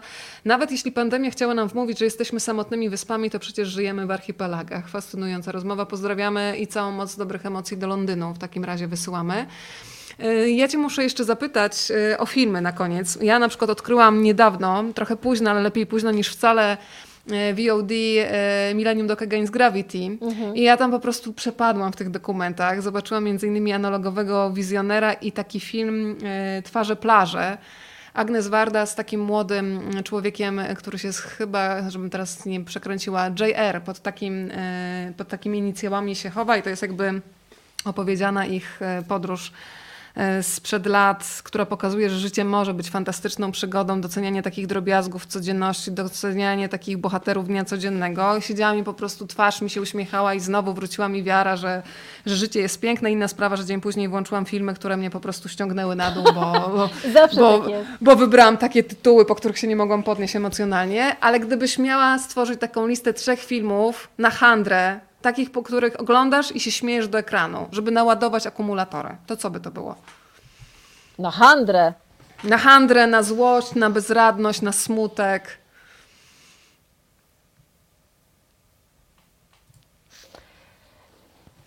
Claude Lelouch, kobieta i mężczyzna. Mm, Zresztą powtórzyłam sobie w, w pandemii ten film. Ja go znam na pamięć, e, bardzo go lubię. E, Taki paradoks, że debiutancki film Claude Lelouch zrobił najlepszy film na, na początku swojej kariery, bo potem już było trochę gorzej, niestety. Ale to jest, e, to jest absolutnie porywająca opowieść i ona się nic nie zestarzała i jest bardzo uniwersalna i też jest o potrzebie rozmowy i potrzebie bliskości i też jest o oddaleniu, bo oni długo w tym filmie są oddaleni od siebie. Eee, I to jest taki film, który jest dla mnie rzeczywiście, no, no, ja, ja się przy nim luzuję. Co tam jeszcze? Boże, to jest trudne zadanie. Wiesz co, no przy, takim filmem, który zawsze dla mnie jest, e, też będzie stary film niestety. Jeszcze są debiutanci. O, z Christopherem Plummerem, który niestety niedawno zmarł. E, Tak, to jest taki film, nie wiem czy do końca super optymistyczny, ale na pewno też film o miłości i film o bliskości i film o tym, że nigdy nie jest za późno. Bohater grany przez Christophera Plummera jest e, e, starszym panem, który na koniec życia postanawia żyć tak jak chce, czyli- został gejem. Em, bo wreszcie może. E, I jego syn odkrywa tak naprawdę, kim jest jego ojciec. Przepiękny film, absolutnie przepiękny. Boyhood. Boyhood, tak. Boyhood jest też takim filmem, który ja absolutnie, absolutnie uwielbiam. E, I ostatnio krąży za mną, ale to może ze względu na historię, która się dzieje za naszymi oknami i jakoś tak e, film Lukina Viscontiego Zmierzch Bogów. To nie jest może uzdrawiający emocjonalnie film. E, delikatnie rzecz ujmując, trochę palnęłam. Ale, ale, ale ja, ja, ja bardzo, Boże, nie uwielbiam. Znaczy, to jest taki film, który dla mnie jest jakimś transem. No i, wiesz, no ja sobie, w- tak jak mówię, ja w pandemii sobie po, popra- po, powtórzyłam e, całą klasykę francuskiego kryminału Jean-Pierre Melville, młody Alain Delon, Jean-Paul Belmondo, e, po prostu genialne kryminały, zresztą Władysław Pasikowski e, inspirował się nimi w Psach pierwszych i w Krolu, Psach przede wszystkim. E, I e, e, wiesz, piękna, wspaniała Catherine Deneuve, więc to sobie przerobiłam. Mam, mam, mam te wszystkie boksy. No. Czekaj, co tam jeszcze? Bo ja tu mam. Ja miałam taką listę w telefonie, czekaj. To sprawdza, ja ci powiem, że pani Gabrysia też wróciła do Tomasza Mana, więc widzę, że tutaj kolejna wspólnota doświadczeń. Pani Olga pisze, to niesamowite, te, że teraz wszyscy jesteśmy normalniejsi. Wzruszająca rozmowa, dzięki, fajny wieczór z wami. Aha, jeszcze wiem, jaki film. Mhm. E, e, e, e, Noc amerykańska, François Truffaut. Mhm. E, bo to jest. Jak komuś brakuje kina, a myślę, że wszystkim nam brakuje, chociaż dzisiaj otworzyli na 50% a biletów nie ma. E, Noc amerykańska jest opowieścią o miłości szaleńczej do kina.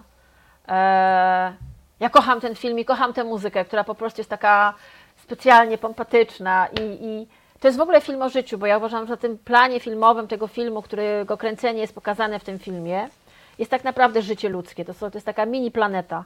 Uwielbiam ten film i chyba cztery razy go w pandemii obejrzałam. Tak. Mm, Słuchaj, jest No. pytanie kolejne. Czy z perspektywy czasu dodałabyś jeszcze kogoś do książki, do tych rozmówców, którzy już są? Czy miałaś taki moment, że a, gdybym jeszcze miała trochę czasu, albo ktoś ci nagle wpadł do głowy, że jeszcze by tę perspektywę różnych, e, różnych spojrzeń na pandemię poszerzył? Profesor Marcin Król mi umarł. Mhm. E, ja jego głosu bardzo słuchałam. E, On udzielił tego wywiadu na początku pandemii w TVN24, kiedy padło to zdanie ludzie niepotrzebni. Potrzebnie. I ja pamiętam, to było dla mnie, jakby mi ktoś jakimś betonowym kijem dał w głowę. I pamiętam, wyszłam wtedy na spacer z psami, było już bardzo późno, ciemno. Ta wiosna się tak nieśmiało budziła, wszędzie było cicho. I ja chyba ze dwie godziny, prawie do północy chodziłam po, po tych uliczkach tutaj u nas na dzielnicy i cały czas dudniło to w głowie. Nie mogłam, ludzie niepotrzebni, że w ogóle jak może być taka zbitka słów, że to jest tak straszne, że to jest tak ale z drugiej strony miałam świadomość, że to jest w tym jest jakaś potworna racja, że to się dzieje. I okazuje się, że Hatalska mi powiedziała, że ten termin padł wcześniej. I że o ludziach niepotrzebnych mówiono w kontekście tego, co się z nami będzie działo, jeszcze na długo przed pandemią mówiono o tym. Um, więc i w ogóle Marcin Król był taką osobą, którą ja od lat śledziłam. Każde jego słowo. On mówił niewiele i rzadko, ale zawsze tak, że czas się zatrzymywał, świat się zatrzymywał, a już na pewno ja wstrzymywałam oddech. I ja je, nie, nie zdążyłam. E, chociaż z drugiej strony bałabym się, nie wiem, ja, ja i tak się bałam z każdego z tych rozmówców, że nie uniosę i że jestem za głupia. E, a myślę, że przy król to by była na granicy palpitacji serca i zawału i wszystkiego. Em, chociaż życie mnie nauczyło, że czasami ci super mądrzy, fantastyczni ludzie z głowami w ogóle ponad chmury, oni mają w sobie więcej uważności i, i, i takiego, i takiej, takiego, takiej mądrości i dobroci niż, niż wszyscy inni.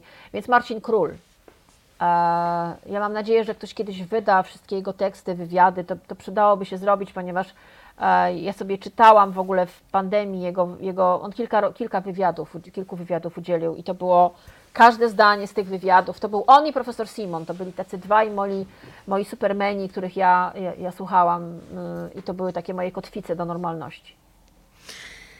E, W takim razie, Karolina, ja Cię muszę zapytać, czy Ty masz jeszcze. Jeszcze zaraz Ci po, powiem, że będziesz dobrodziejem za chwilę, bo tutaj O! ustaliliśmy z Panem Michałem z wydawnictwa Mando, że będę miała dwie książki, które trafią w Państwa ręce, więc zaraz powiem, jak y, dojdzie do tego dobrodziejstwa, jeżeli mogę tak powiedzieć.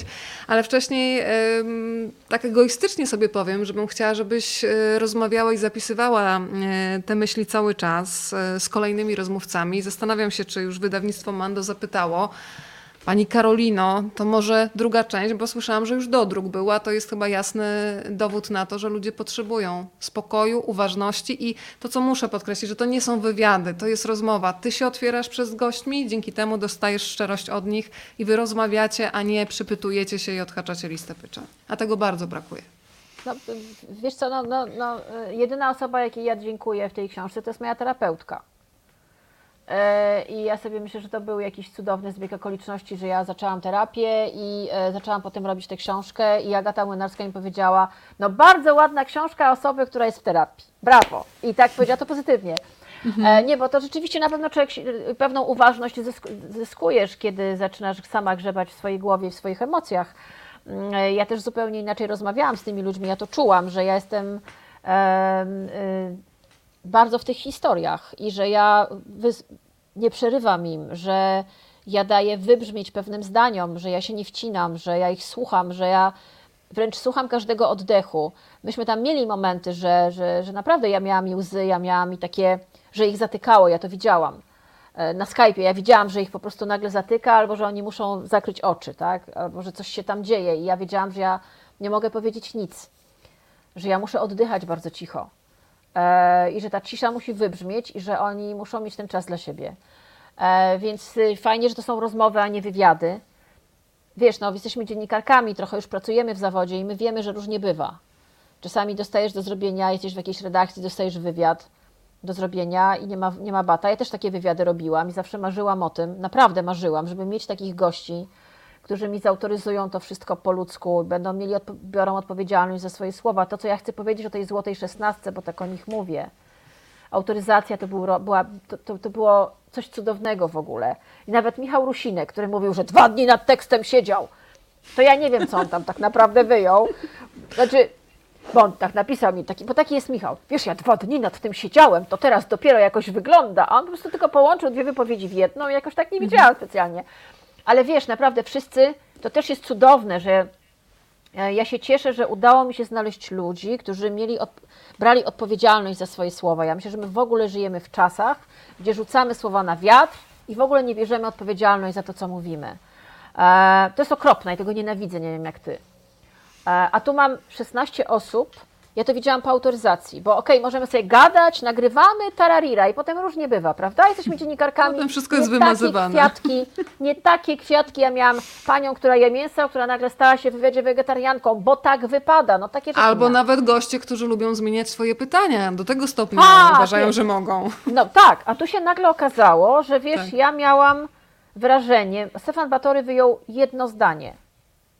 I też tak się potem zastanawiał, że może je przywróci, ale ja mówię, dobra, jak już tak czujesz, że nie chcesz tego zdania, to je wyjmiemy. Słuchaj, to, to, to, te autoryzacje polegały na tym, że to była jakaś kosmetyka.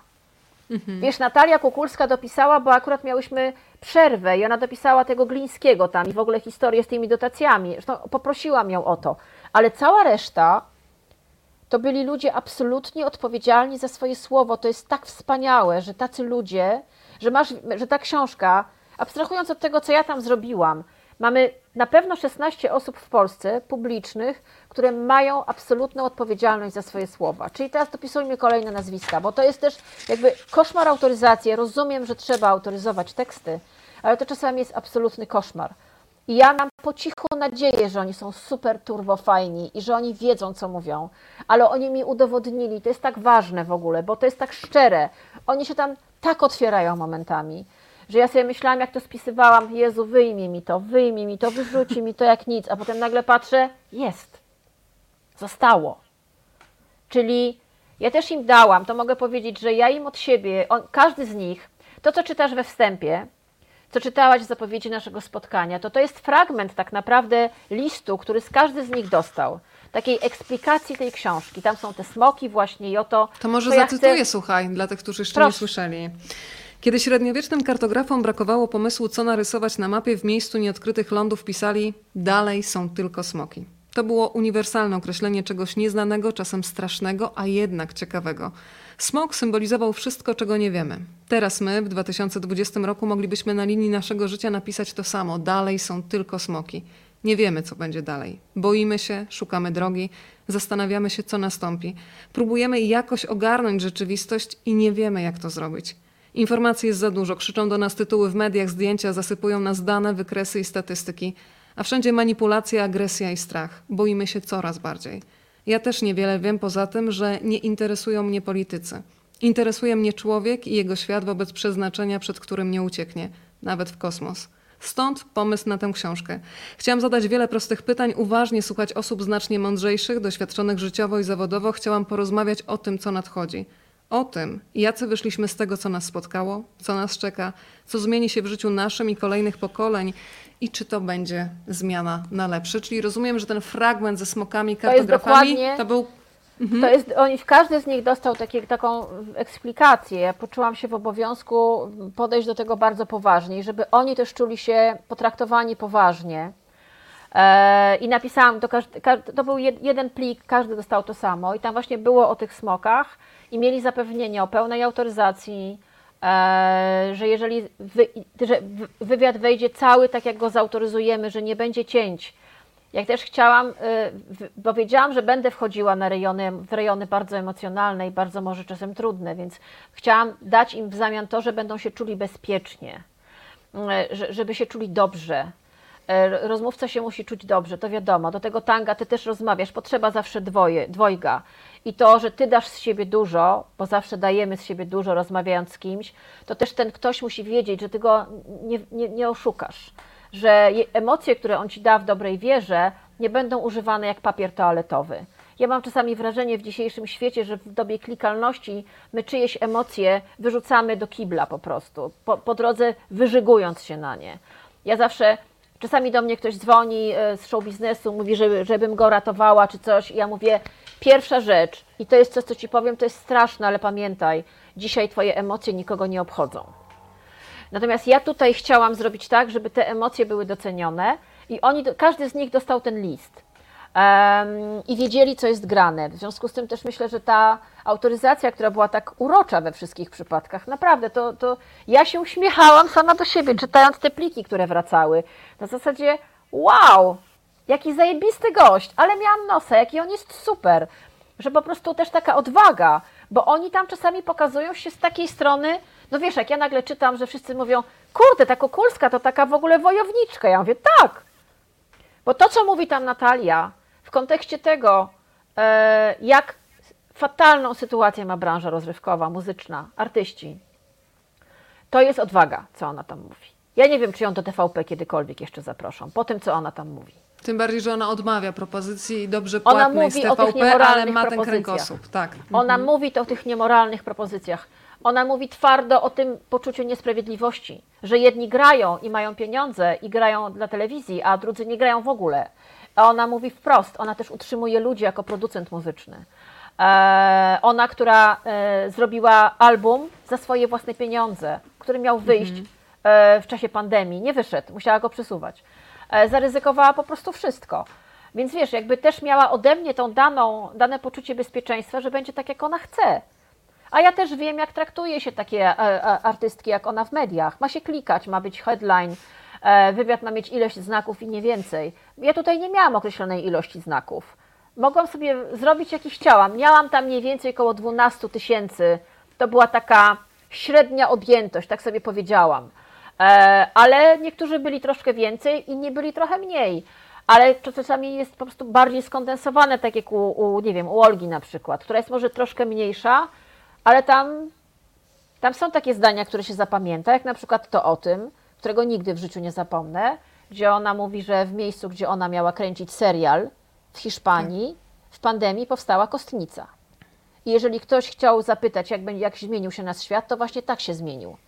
Że ona w 2019 wybrała to na lokację do serialu, który miała robić, a w 2020 zrobili tam kostnicę, bo nie było gdzie trzymać ciał.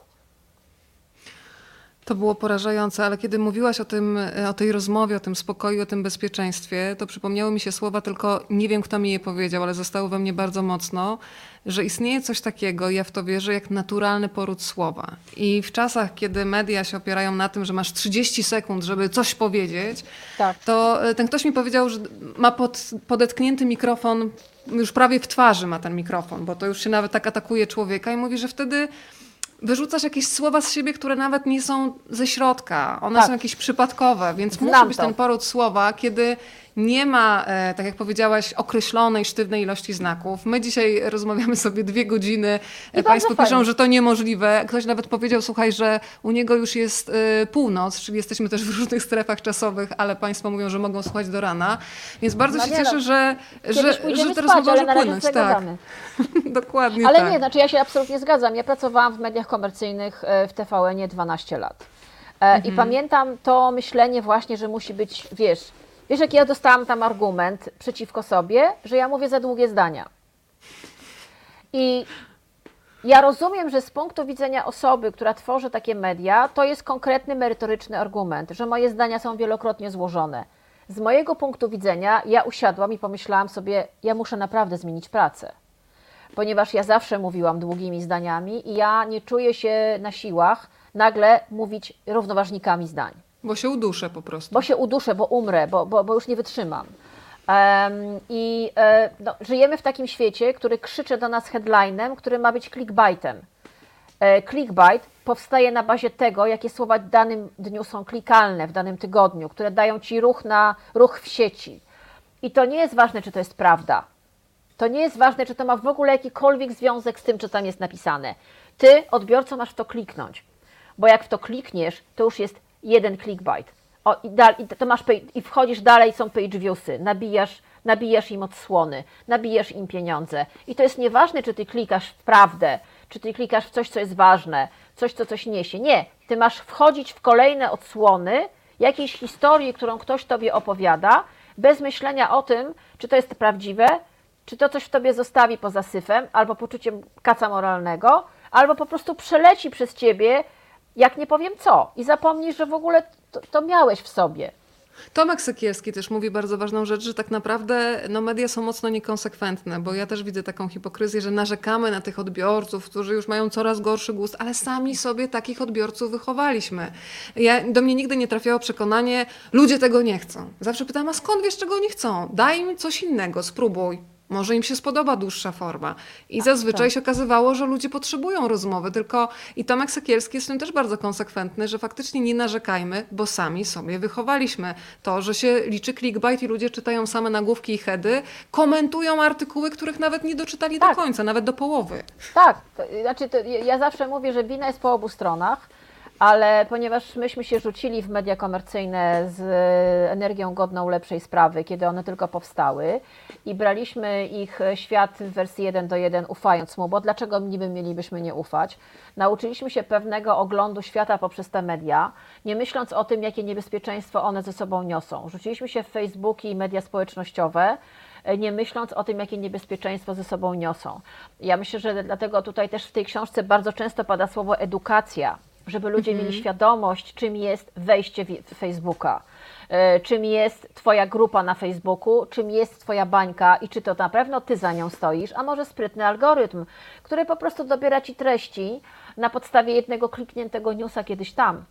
E, ja tą świadomość mam.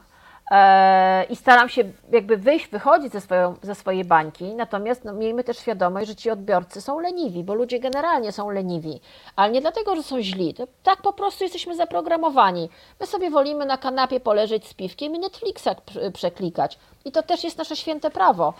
Tylko może chodzi o to, że jeżeli ta książka się tak sprzedaje, co dla mnie jest szokiem, że jest dodruk i że ludzie do mnie piszą takie rzeczy, jakie piszą, to może, tak jak mi napisał mój wydawca, że ona trafiła w jakąś niszę, o której nikt nie myślał na poważnie.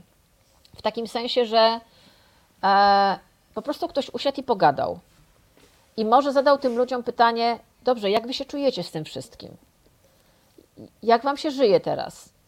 I jak myślicie, że będziecie żyć? Nie w kontekście polityki, geopolityki, nie wiem, PiSu, PO.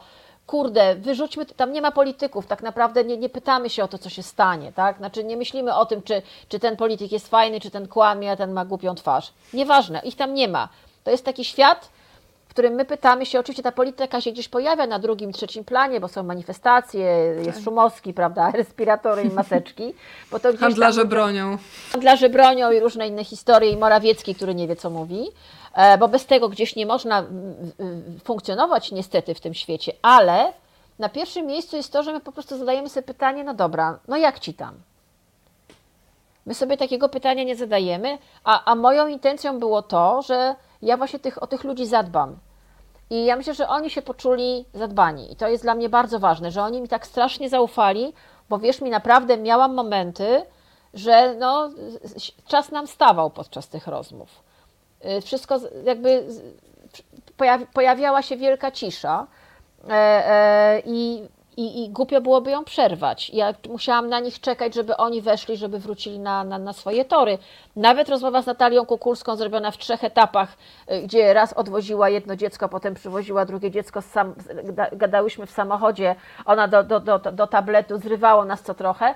Nawet tu był taki moment, kiedy ona mówiła o tym, jak miał wyglądać ten rok z perspektywy y, rocznicy związanej z jej rodzicami, gdzie no, no widać było, że jest jej bardzo trudno, bo to, wszystkie plany się zawaliły.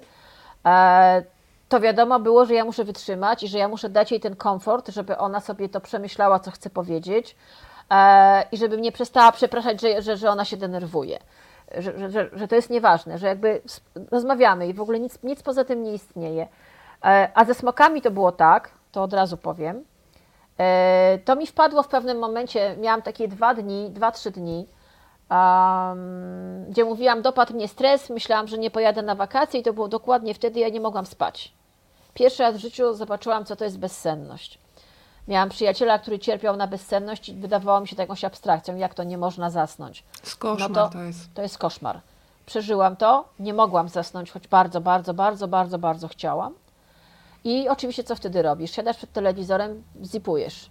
No, próbujesz zrobić cokolwiek. No, nic nie działa. Leki nie działają, nic nie działa.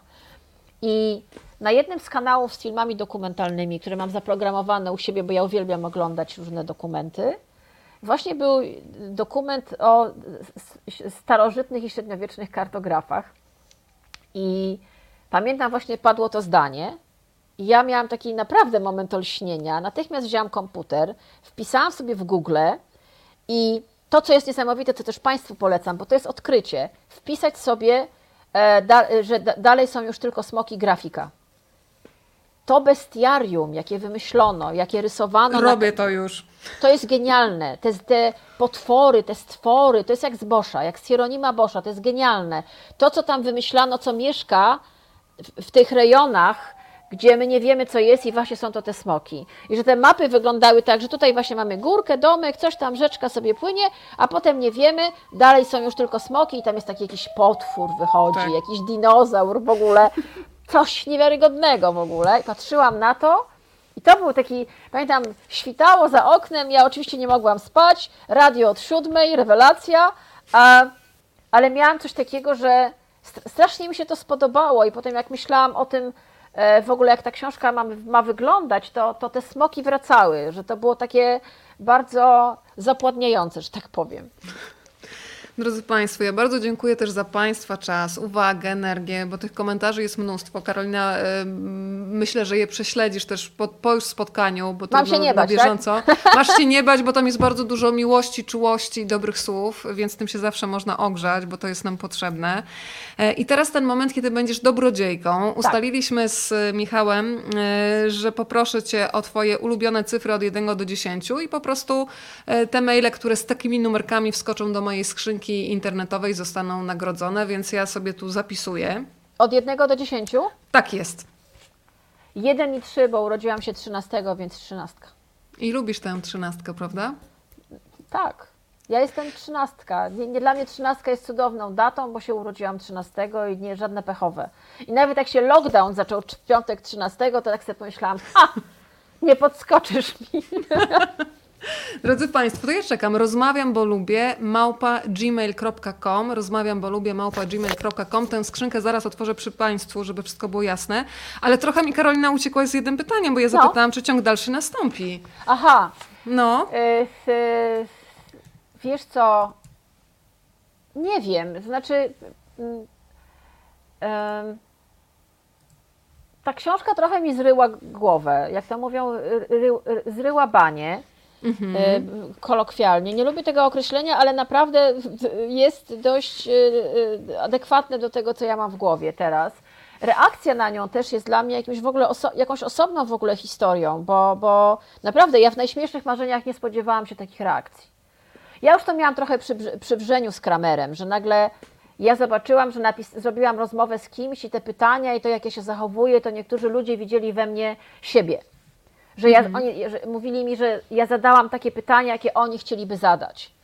Um, A tutaj do mnie piszą, że te pytania, które ja zadaję, to są takie pytania, które oni chcieliby zadać światu i oni sobie próbują ułożyć w ogóle swoje życie w kontekście tego, co się stało i dla, oni sobie zaznaczają cytaty z tych pytań albo z odpowiedzi, zakładają ko- korteczkami, że w ogóle dla nich to jest ważne, co ci ludzie mówią. I ja nie miałam czegoś takiego, a e, sama jestem nademocjonalna e, i nadempatyczna i generalnie e, moja terapeutka tylko mi cały czas mówiła, Pani Karolinko, ale niech pani uważa, żeby to w panią za bardzo nie weszło. Em, i ja się bałam, że to we mnie gdzieś może nawet za bardzo wejdzie, bo to ja nie potrafię się odciąć na zimno robić takich rozmów. Em, zważywszy na to, że no niestety ja wierzę w to, że najgorsze przed nami. E, I nie ma co sobie opowiadać, że będą po prostu różowe koniki pony po, zasuwały po ulicach, bo to jest brednia i po prostu trzeba, ja uważam, że trzeba spojrzeć prawdzie w oczy. Jest gówniano, będzie jeszcze gorzej. To nie wiem, to musiałabym się zastanowić. E, ja też nie chcę produkować e, e, jakichś jakichś rzeczy na, na taśmowo, bo, bo ja się do tego gdzieś emocjonalnie jakoś tam przygotowałam, aczkolwiek w sumie z jednej strony przygotowałam się emocjonalnie, a z drugiej strony weszłam do tego jednak z marszu. Ale kosztowało mnie to sporo. Mnie takie rzeczy dużo kosztują. Ja tego nie pokazuję, ale mi to kosztuje bardzo dużo. A, więc nie wiem. Nie wiem. Tak jak mnie pytali, czy będzie w Żenie 2 i wiem, że nie będzie, bo, bo, bo K- Kramera na zesłanie wysłali po tej książce, więc nie będzie ryzykował drugi raz. Powiedzmy, E, kim był Kramer, kim jest Kramer. Grzegorz Kramer, jezuita, tak. ojciec. dokładnie. Polecam, jak ktoś ma problem z, z wiarą w polskim kościele, to niech przeczyta tę książkę, bo Dobry tam się adres. dzieje. Tak, znaczy to jest taki dobry adres, tam między innymi możecie się dowiedzieć, jak ktoś jest LGBT, e, jak, co naprawdę mówi Biblia o homoseksualistach. Ja zbierałam szczękę z podłogi, jak on mi to powiedział. Zrobił mi cytat, przeczytał mi. Tylko, że nikt tego nie wie. No generalnie to jest taka książka, która... Znaczy Grzesiek jest jednym z ostatnich jasnych promyków w polskim kościele. I, i, I kuma bazę po prostu. I, e, no, I to była taka pierwsza książka, gdzie ja się zo- zorientowałam, że porozmawiałam z kimś i ta rozmowa jest dla bardzo, bardzo wielu ludzi szalenie ważna. Na spotkaniach w, realu, e, bo to jeszcze były czasy realu, ja, ja słyszałam takie rzeczy, że naprawdę nie wiedziałam, jak mam reagować. To, to, to było coś niesamowitego. A teraz sobie zrobiłam drugą taką książkę. E, więc, więc może rzeczywiście jazda po bandzie emocjonalnej gdzieś mi leży, tylko że muszę przyznać, dużo mnie to kosztuje. I musiałabym wymyślić, jak to, co to miałoby być, bo tak naprawdę to są takie rozmowy, które ja sama chciałabym przeczytać, więc e, muszę znaleźć na pewno jakąś przestrzeń, żeby sobie zadać pytanie, co ja bym chciała przeczytać, e, bo jestem już dorosłą dziewczynką i nie chodzę na kompromisy. E, I, i, i, I to musi być pomysł ze mnie i musi być tak jak tutaj zrobione, że nikt mi w nic palców nie wciskał. Znaczy ja zrobiłam co chciałam od początku do końca i odpowiadam za każdy przecinek. Innej, inne, innego, innej pracy sobie nie wyobrażam.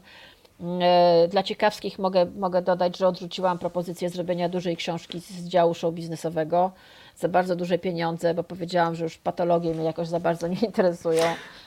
E, e, i, i robię wyłącznie rzeczy dla przyjemności i żeby coś z tego wynieść. Więc nie wiem, będę się zastanawiać, ale na pewno wiesz, ja teraz zaczęłam zdjęcia, mam aktualności filmowe wróciły, jest dużo rzeczy, kina wracają, więc będę chodzić znowu więcej do kina. E, Mam nadzieję, że wreszcie wszyscy pójdziemy z bohaterami z tej książki na piwo. Bardzo bym tego chciała, bardzo mi tego brakuje, że będziemy się mogli dotknąć. E, bardzo mi brakuje dotyku, więc jak sobie nadrobię i pójdę na jakąś imprezę i zrobię się do spodu, bo naprawdę to chyba już wszyscy o tym marzą, to wtedy się zacznę zastanawiać. To ja słuchaj, już mogę powiedzieć, do kogo trafiają książki od ciebie.